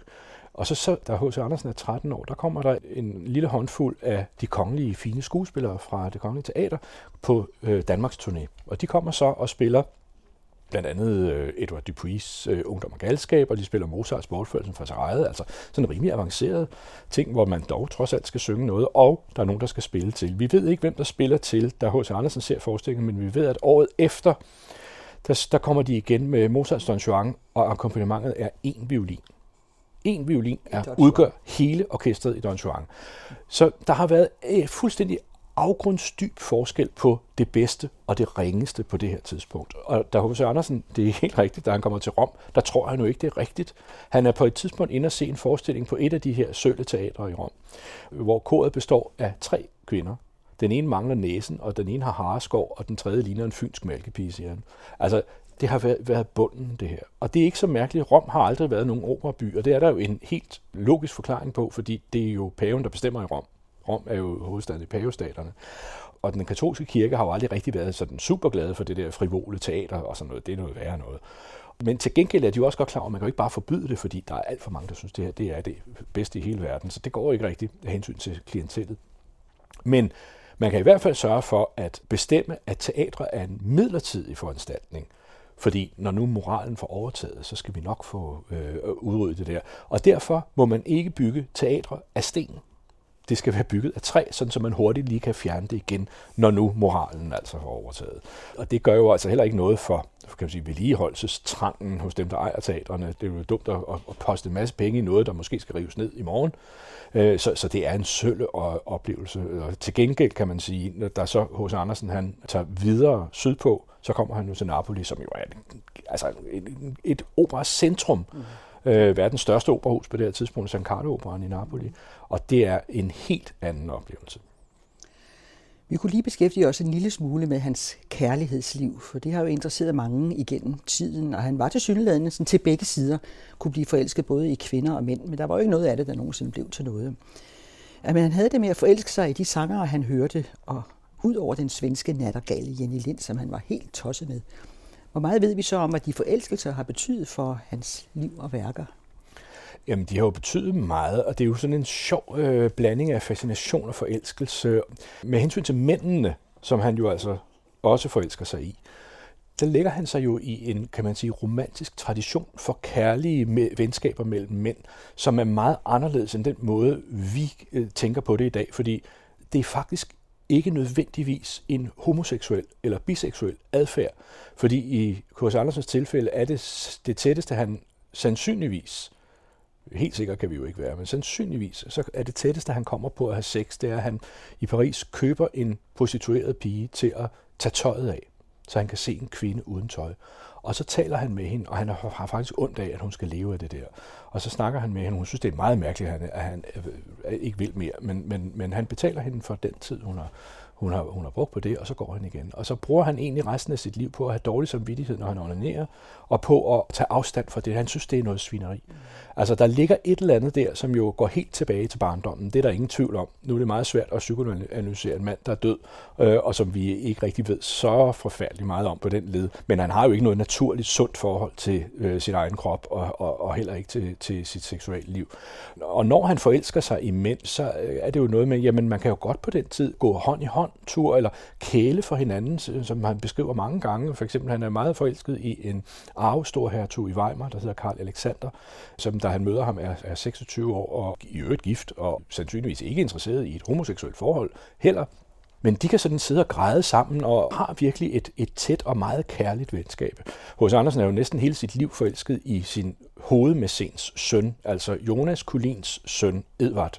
Jonas Kulin er jo grunden til, at H.C. Andersen får chancen. Det, han sidder i det kongelige teaters ledelse, og det er ham, der udvirker, at H.C. Andersen får for det første en uddannelse, og senere, at han får de rejselegater, der gør, at han kan komme ud og opleve øh, Europa, og dermed jo altså også få inspiration til at skrive.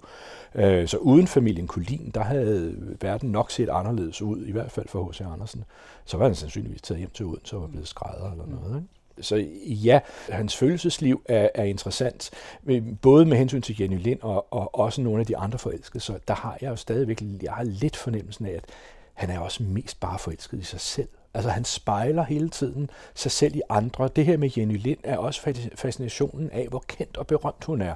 Fordi hun er et kæmpe navn, altså fuldstændig vildt stort navn. Man kan købe Jenny Lind vifter og Jenny Lind øh, cigarer, og man kan købe Jenny Lind komfur af Støbjerg. Jeg ved ikke, hvor, hvor, hvor smirende det er, men det kan man altså. Og, og H.C. Andersen der om i, i 18, begyndelsen af 1840'erne, øh, hun, han, han møder hende første gang i 43, og senere kommer hun tilbage til København i 45.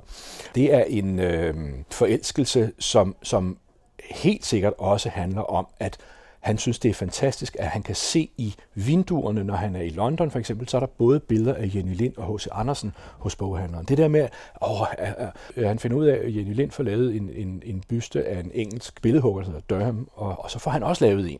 Og så, så synes han alligevel, at den er ham selv, den er nu alligevel lykkes bedst, men det, han, han, den er meget, meget fin. Og, og de bliver udstillet, der bliver de får lavet afstøbninger, som bliver udstillet her i København.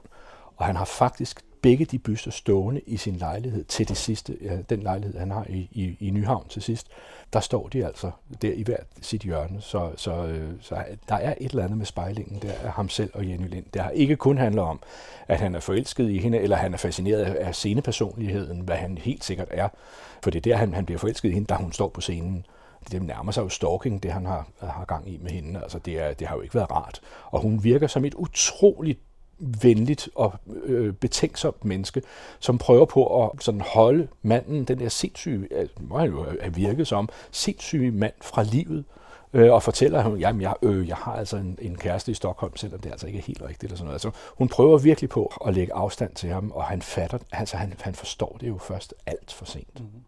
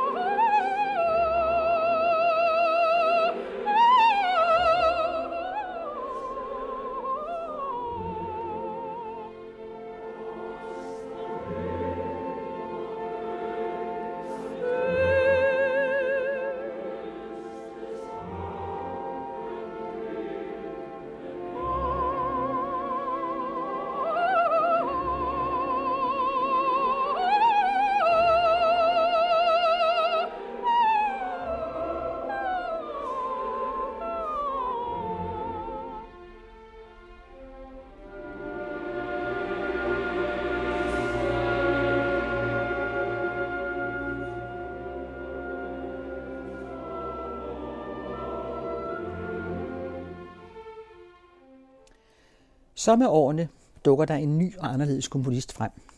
Richard Wagner med kæmpe operaerne, og han er jo så ny, og han er jo ligefrem otte år yngre end H.C. Andersen. Så han ser de nye operaer på et meget tidligt tidspunkt. Hvad synes han om Wagner? Ja, altså Wagner er jo et rigtig godt eksempel på, at H.C. Andersen er enormt insisterende på ting, han ikke kan lide. Han bliver ved og ved. Et andet rigtig godt eksempel er Offenbachs operetter. H.C. Andersen synes, Offenbach er det platteste i verden. Altså evig kang og frygt, altså virkelig plat. Og alligevel, listen over, hvor mange gange han er i teatret og ser en Offenbach-operette, er jo alen lang. Han bliver ved og ved og ved, og det er det samme med Wagner. H.C. Andersen oplever Wagner for første gang i 1852, altså Wagners musik i Weimar, fordi Franz Liszt er blevet ansat der som en del af projektet, som vores ven Karl Alexander, ham arvestorhertugen, som Hos Andersen er forelsket i, han har sådan en, en, en idé om, at vi skal altså make Weimar great again. Nu skal vi altså have, have fordumstiders storhed tilbage, fordi Weimar er jo egentlig bare et sted, hvor Schiller og Goethe boede engang. Og nu er de jo så jo altså desværre døde. Så kulturpilgrimene, de tager en tur hen og, og, og ser gravene. Men Karl Alexander, han vil altså revitalisere kulturlivet i byen og invitere blandt andet derfor H.C. Andersen også. Han får tilbud om at, at bo der og, og fast. Men H.C. Andersen synes jo alligevel nok, at han skal han er jo dansker, han skal bo derhjemme og ikke i Tyskland. Og efterhånden, som vi kommer tættere og tættere op mod 1864, så bliver den følelse kun forstærket. Men Frans Liszt er altså en af dem, som Karl Alexander får på krogen, øh, fordi det passer meget, meget fint i Liszt's kan man sige, livscyklus. Han har jo været på landevejen i 20 år, verdens førende klavervirtuos, øh, og selvom kvinderne dåner, så tror jeg alligevel, at han, han er lidt træt af at skrumple rundt på endeløse turnéer i hele Europa. Mm et sted, hvor han fast kan få lov til at dirigere et orkester, spille præcis den musik, han synes, der skal spilles på operan der, og i øvrigt komponere, få tid til at komponere også orkestermusik og få det opført. Det er et, et fantastisk tilbud, og en af de komponister, som Liszt promoverer, er jo hans senere svigersøn, Richard Wagner. Og han opfører blandt andet Lohengrin, mens Wagner han sidder jo nede i Zürich og i eksil, fordi han kommer til at ja, skylder lidt mange penge væk, og også kommer til at lave lidt små revolutioner og sådan noget. I hvert fald, når han selv skal sige det. Det er nok mere, mest det med pengene. Det er jo så milevidt. Altså selv når vi taler Tannhäuser og Lohengrin, som er de to første operer, øh, hos Andersen oplever i Weimar, øh, selv der er det jo milevidt fra alt, hvad han er vokset op med. De søde franske syngespil af Aubert og Dalairac, som er kernerepertoireet på det kongelige teater, og så Wagners verden, det er jo simpelthen et kæmpe skridt. Mm. Og det, som jeg egentlig er mest forbavset over, det er, at H.C. Andersen i dagbogen, efter den allerførste oplevelse af Tannhäuser, skriver han, at det er fantastisk godt sat sammen. Teksten er rigtig, rigtig god. Han synes bare, at musikken mangler lidt melodi. Tænk, hvis nu det var Karl Maria von Weber eller Mozart, der havde skrevet musikken, så havde det været fantastisk. Jeg synes slet ikke, det er mærkeligt, at han synes det sidste. Det synes jeg er helt naturligt, fordi det er så langt fra hans verden. Men jeg synes til gengæld, at det er meget, meget flot, at manden kan se kvaliteterne i musik, som må være virkelig fjern for ham. Og senere, da han jo så oplever for eksempel Mestersangeren i Nürnberg, som, som jo er endnu et skridt, kan man sige, pænt langt fra den gode gamle verden. Det oplever H.C. Øh, Andersen først i 1870, da den kommer op i øh, København. Og den første sæson ser han Mestersangerne 12 gange. Selvom han fra starten tænker, han er fuldstændig altså, slået en kul over, hvor uforståeligt det her er, så ender han med at være en af dem, der forsvarer Wagner over for faktisk nogle af de medvirkende, som er hans venner, altså sangerne der. De synes stadigvæk, det er noget mærkeligt noget, det der. Nej, han kan godt se, der er noget i det her. Så han er enormt insisterende, også selvom han ikke umiddelbart sådan med det samme synes, at det her det er lige mig. Men han bliver ved med at prøve. Og det vidste jeg ikke om ham, før jeg ligesom gjorde det her systematisk. Og det er en af de ting, jeg er blevet meget øh, imponeret over. Fordi jeg har altid synes han var irriterende, og det, jeg synes også stadigvæk, han er irriterende. Men jeg har også fået respekt for ham. Altså. Han er en mand med mange sider, og han er enormt insisterende på at prøve igen. Selvom jeg måske ikke kunne lide den her øh, kage første gang, jamen så prøver jeg at spise 12 kager mere, og så kan det være, at jeg kan lide den på et eller andet tidspunkt. Det er alligevel ret få der gør. Ikke? Mm.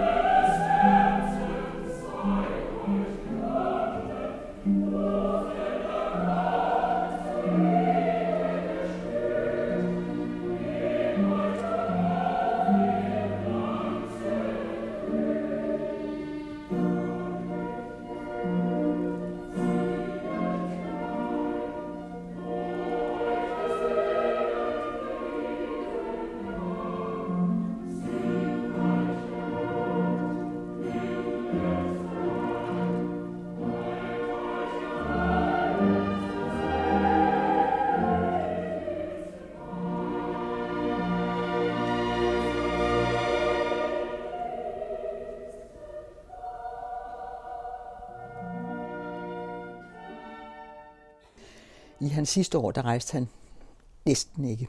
Ved vi, hvilken opera, der var den sidste, han så? Den aller sidste opera, øh, H.C. Andersen ser, er Liden Kirsten af Hartmann med tekst af Sørme H.C. Andersen selv. Hans allermest succesfulde opera stadigvæk den dag i dag den mest spillede danske opera. Maskerade slår den lige om lidt, hvis man spiller Maskerade mere, men, men altså øh, stadigvæk, den, altså, der har den altså Danmarks rekorden, på trods af, at, at, at historien altså ikke er noget at skrive hjem om. Øh, Hartmanns musik er jo fint nok, men det er svært at, at forestille sig, at den får en kæmpe stor renaissance på scenen. Den er ikke blevet spillet på det kongelige teater siden 1955. Det er der nok en grund til. Det er meget sød musik, men det er ikke dramatisk. H.C. Andersen er inde og se den, men ikke på det gamle kongelige teater, som han jo er vokset op med. Han dør i 1875 og når nøjagtigt at se opførelsen af det, der nu er gamle scene på Kongens Nytorv. Og han ser jo så samtidig også, at de river det gamle teater ned. Han er på det her tidspunkt ved at dø af leverkræft. Det er der ikke nogen, der ved. Man kan ikke diagnostisere sådan noget. Man kan se det, da han er død, kan man jo obducere ham, så kan man se, at det var det, han døde af. De har så nogle idéer om, at det nok vil hjælpe på hans ondt i maven, hvis han sidder med, med surdej under fødderne, for eksempel. Og sådan noget. Ikke? Det er der, vi er stadigvæk i 1875. Men, men han slæber sig i teatret til åbningen af Gamle Scene i øh, oktober 1874. Og han ser altså det nye teater i funktion. Det, der forbavsede mig allermest ved at undersøge H.C. Andersen og hans forhold til opera, det var faktisk slutningen af det hele. Fordi jeg ville synes, det var helt naturligt, hvis en mand, der jo i den grad har levet med det gamle teater, han har selv sunget i operakoret i, i øh, en hel sæson, det var det første, han så i København, da han, han tog direkte ind og så teatret.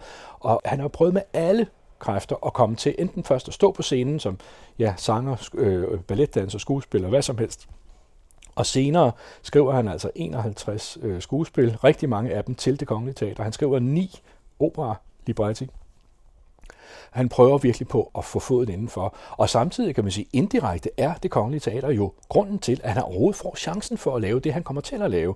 For hvis ikke Jonas Kulin i teaterledelsen havde opdaget, at her var der altså et eller andet sjovt talent hos ham, den mærkelige, utilpassede, sindssyge dreng der, og sørgede for, at han fik en uddannelse, så havde vi ikke haft H.C. Øh, Andersen i dag. Så havde han været en, en fuldkommen ligegyldig parentes, og han var taget hjem til Odense igen.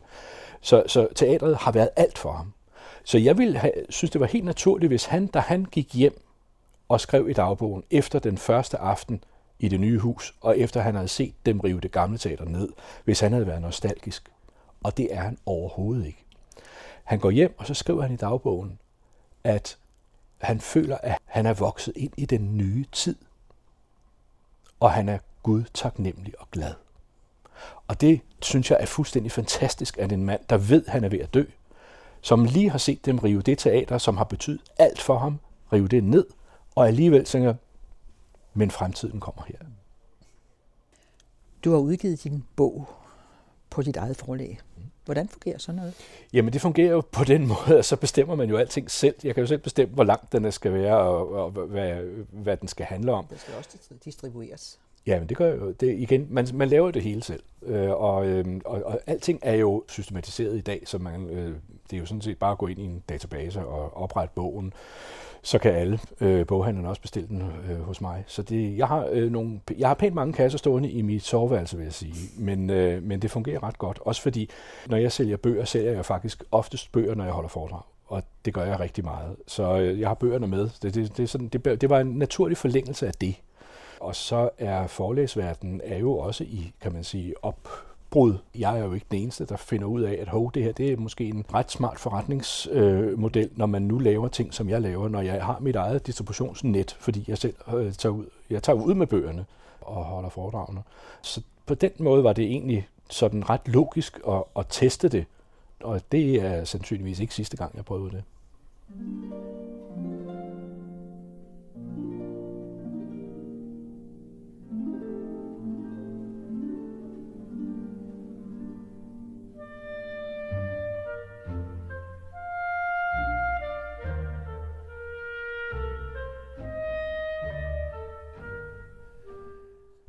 Al musik, I hørte, var fra H.C. Andersens yndlingsoperaer.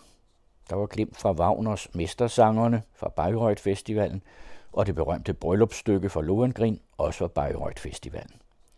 Maria Callas sang Casta Diva fra Bellinis Norma fra La Scala Operaen, Opera-divaen fra 1900-tallet, som H.C. Andersen sikkert også ville være faldet for, som han gjorde for den tids divaer. Samt Ballet de Non Damné, de forbandede nonners ballet fra Meyerbeers Robert Le Diable, med Verdi-orkestret fra Teatro Lirico, dirigeret af Daniel Orin.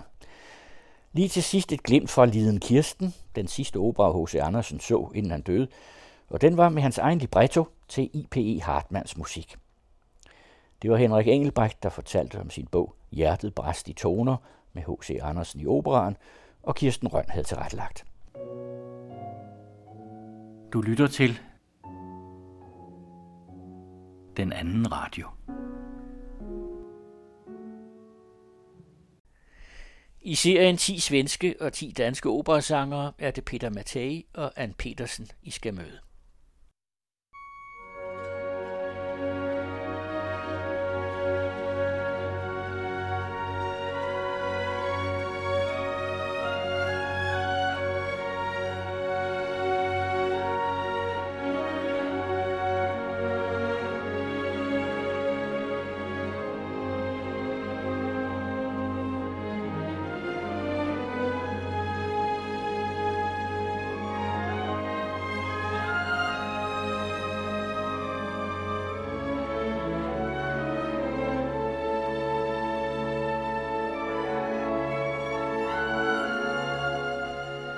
Er utroligt, så hurtigt folk glemmer.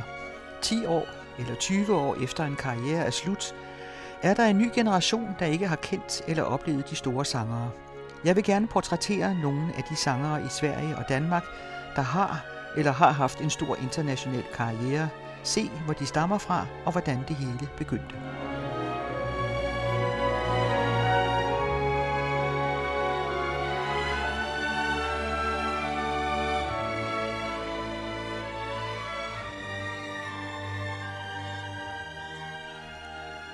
Denne gang er det baritonen Peter Mattei og sopranen Ann Petersen, der har fokus på. De er stort set lige gamle, født i henholdsvis 1965 og 1966, og bevæger sig på de samme store scener i det europæiske musikliv. Peter Mattei studerede i Stockholm på Kungliga Musikhögskolan og på Operaakademiet, og hans debut var på Drottningholm Teatret uden for Stockholm i Mozarts La Finta Giardiniera i 1990. Der var han 25 år. Men det store internationale gennembrud kom i 1994. Det var på Scottish Opera i Glasgow, og det var som Don Juan, og derfra gik det løs. Anne Petersen debuterede på det Kongelige Teater i 1999, efter hun havde afsluttet studierne på Operaakademiet, og det var også hos Mozart, som første dame i Tryllefløjten. Senere samme år sang hun Donna Anna i Mozarts Don Juan og Ingeborg i Peter Heises Strot og Mask på den jyske opera. Efter et par år, hvor Ann Petersen var engageret til forskellige gæstespil i Tyskland, blev hun ansat på operan i Graz i Østrig, hvor hun blandt andet sang feltmarskalinden i Richard Strauss Rosenkavaleren, et parti hun siden har sunget mange steder. I det hele taget er det det tyske repertoire, Ann Petersen har specialiseret sig i, og nu synger på de store scener, hvor Peter Matthäus overvejende ligger hos Mozart. En anmeldelse hedder Ingen anden sanger i verden har i den grad personificeret Mozarts musik som Peter Mattei, og vi skal til slut høre ham synge Don Juan. Men først er det Ann Petersen, som fra 2004 var freelance-sanger netop med Wagner og Strauss, og engagementer på operaer som Covent Garden i London, Bastille Operan i Paris, La Scala i Milano, Komische Oper i Berlin, Liceo i Barcelona og Dallas Operaen. Men siden 2013 har hun været fast i ensemblet på det Kongelige Teater, og her er det fra anden akt af Wagners Tannhäuser i Sangerhallen på Wartburg, hvor Elisabeth jubler over, at Tannhäuser er vendt tilbage. Dicht Teure Halle fra det Kongelige Teater i 2013.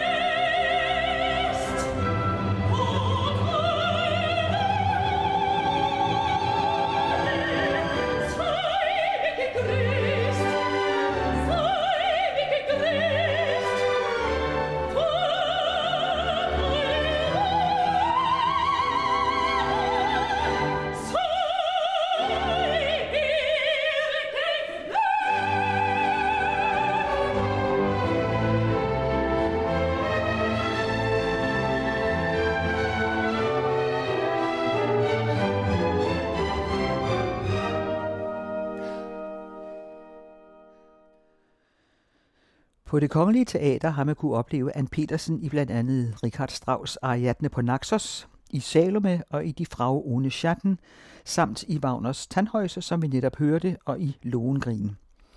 Elsa i Lohengrin har fulgt hende, siden hun sang den første gang på det kongelige teater i Peter Konvitschnis udgave. I den kunne man glemme alt om ridder i rustning og ulykkelige ungmøer. Alle roller skulle forestille børn i et klasselokale, mens Elsa skjuler sig på toilettet for at undgå flere drillerier. Man skal stå model til meget som operasanger. Siden har hun sunget Wagner både i Køln, i Mannheim, Buenos Aires og på La Scala i Milano med Daniel Barnbøm, så kan det næsten ikke blive større, som hun selv siger. Og netop Barnbøm er i den grad glad for hende og bruger hende meget. Fra Peter Mattei var barn, har han vidst, at han ville synge og har aldrig ændret det spor. Han er født i Piteå i den nordlige ende af den botniske bugt, ikke så langt fra Luleå. I 1980, 16 år gammel, blev han spottet i et kirkekor i Luleå, allerede bemærkelsesværdig som teenager, og han blev spået en klar fremtidig operasangerkarriere. I 1990 debuterede han så på Drottningholm Hofteatret og året efter på Operan i Stockholm. Partiet som Mozarts Don Juan er hans hofparti, som han sang på festivalen i Aix-en-Provence i 1998 efter den internationale debut i Glasgow, hvor efter alles blikke rettede sig imod ham. Derefter sang han Don Juan på alle de store operascener, Metropolitan Operaen i New York, Unter den Linden i Berlin, Paris Operaen, Covent Garden i London, La Scala i Milano, Bayerische Staatsoper i München og dertil i Zürich, San Francisco, Chicago, Stockholm, Oslo og på Salzburg Festspillene. Men det er ikke opera alt sammen. Sange, lieder, orkesterkoncerter betyder meget for ham, og på hans koncertrepertoire står Mendelssohns Elias, Brahms Requiem, Sibelius Kullervo, Mahlers Des Knappen Wunderhorn, Bachs Passioner, Händels Messias, Semlinskis Lyriske Symfoni og Benjamin Brittens War Requiem. Men her gælder det en af de mest nordiske komponister, man kan forestille sig, svenskeren Wilhelm Stenhammer. Han har skrevet flere ballader for bariton og orkester, og den allersmukkeste og lyseste er Flores og Blanse Flore, som Peter Mattei synger her netop meget smukt, lyst og nordisk med Malmø Symfoniorkester og Parvo Järvi.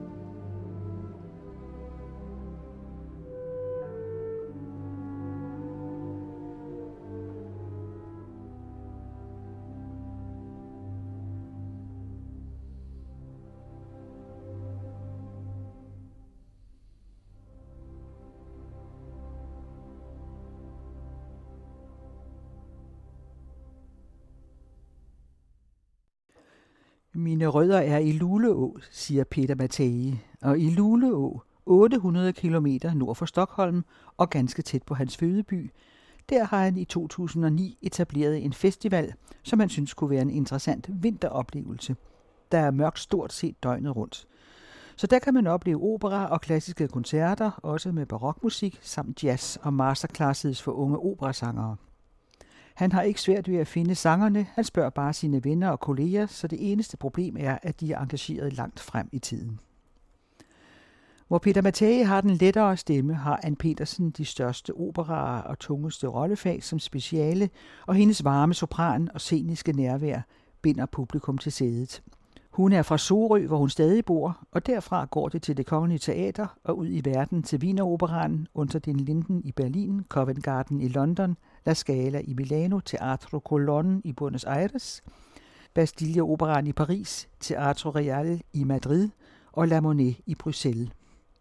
I en nyopsætning af Tannhäuser på Under den Linden i 2014 med Daniel Barnbøjm i spidsen medvirkede begge de to i dette portræt, Ann Petersen som Elisabeth og Peter Mattei som Wolfram. Udover Wagner og Strauss er Puccinis Turandot også et parti for Ann Petersen, ligesom Fidelio hos Beethoven, og Marietta Erik Wolfgang Korngolds De Tote Stadt, lidt af en specialitet. Og meget af det venter på hende, når operascenerne åbner igen. Ann Petersen har modtaget en Rømert som årets sanger første gang i 2010 for Richard Strauss Ariadne på Naxos på det Kongelige Teater, og igen i 2013 for Wagners Tristan og Isolde på den jyske opera. Koncertrepertoiret omfatter også Beethovens 9. symfoni, Verdis Requiem, Dvorak's Stabat Mater, Mendelssohns Lobgesang, Cæsar Franks oratorium, Le Beatitude og Strauss orkesterlieder og fire lieder, og det er netop fire lieder, vi skal høre. De to første, Fryling og September, og det er fra en koncert i den franske radio med dirigenten Emmanuel Krivine og Orchestre National de France.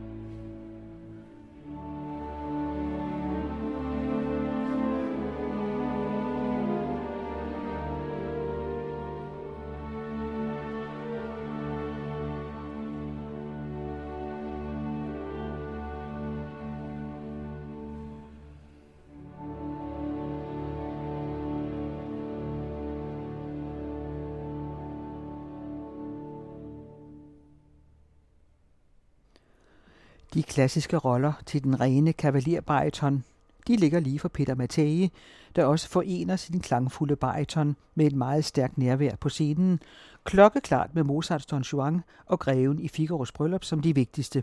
Og de to roller har han sunget overalt. Det var også som Greven, han debuterede på The Met i 2002, og som Don Juan, han debuterede på La Scala i Milano i 2011. Don Juan skal vi høre til sidst. Her kommer så nogle af de mange andre partier, om Fortas i Wagners Parsifal og Wolfram i Tannhäuser, titelrollen i Tchaikovskis Eugen Onegin og Jeletski i Spardame, Figaro i Rossinis Barberen i Sevilla og Marcello i Puccinis La Bohème.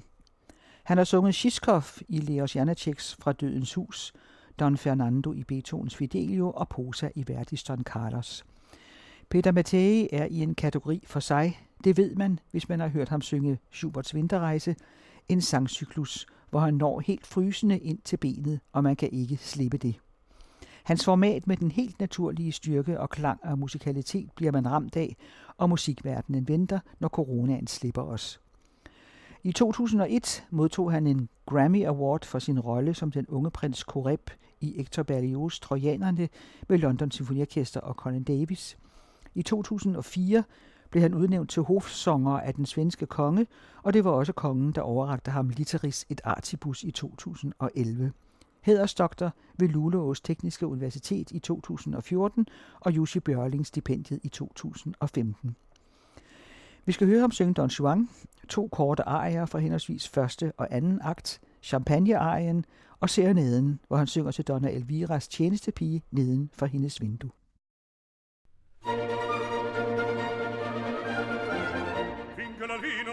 testa, una la festa fa preparar, se tu ragazza, qualche ragazza, te che non quella cerca menar, te che non quella cerca menar, cerca menar, cerca menar, senza conorne, canzia, chi il minuetto, chi la folia, chi la nemana, farà valar chi il minuetto, farà valar chi la folia, farà valar chi la nemana, farà valar, ed fu canto, dalla fu canto, con quella v'amore già, v'amore già, v'amore già. Animalista, domattina, tu una regina devi metar.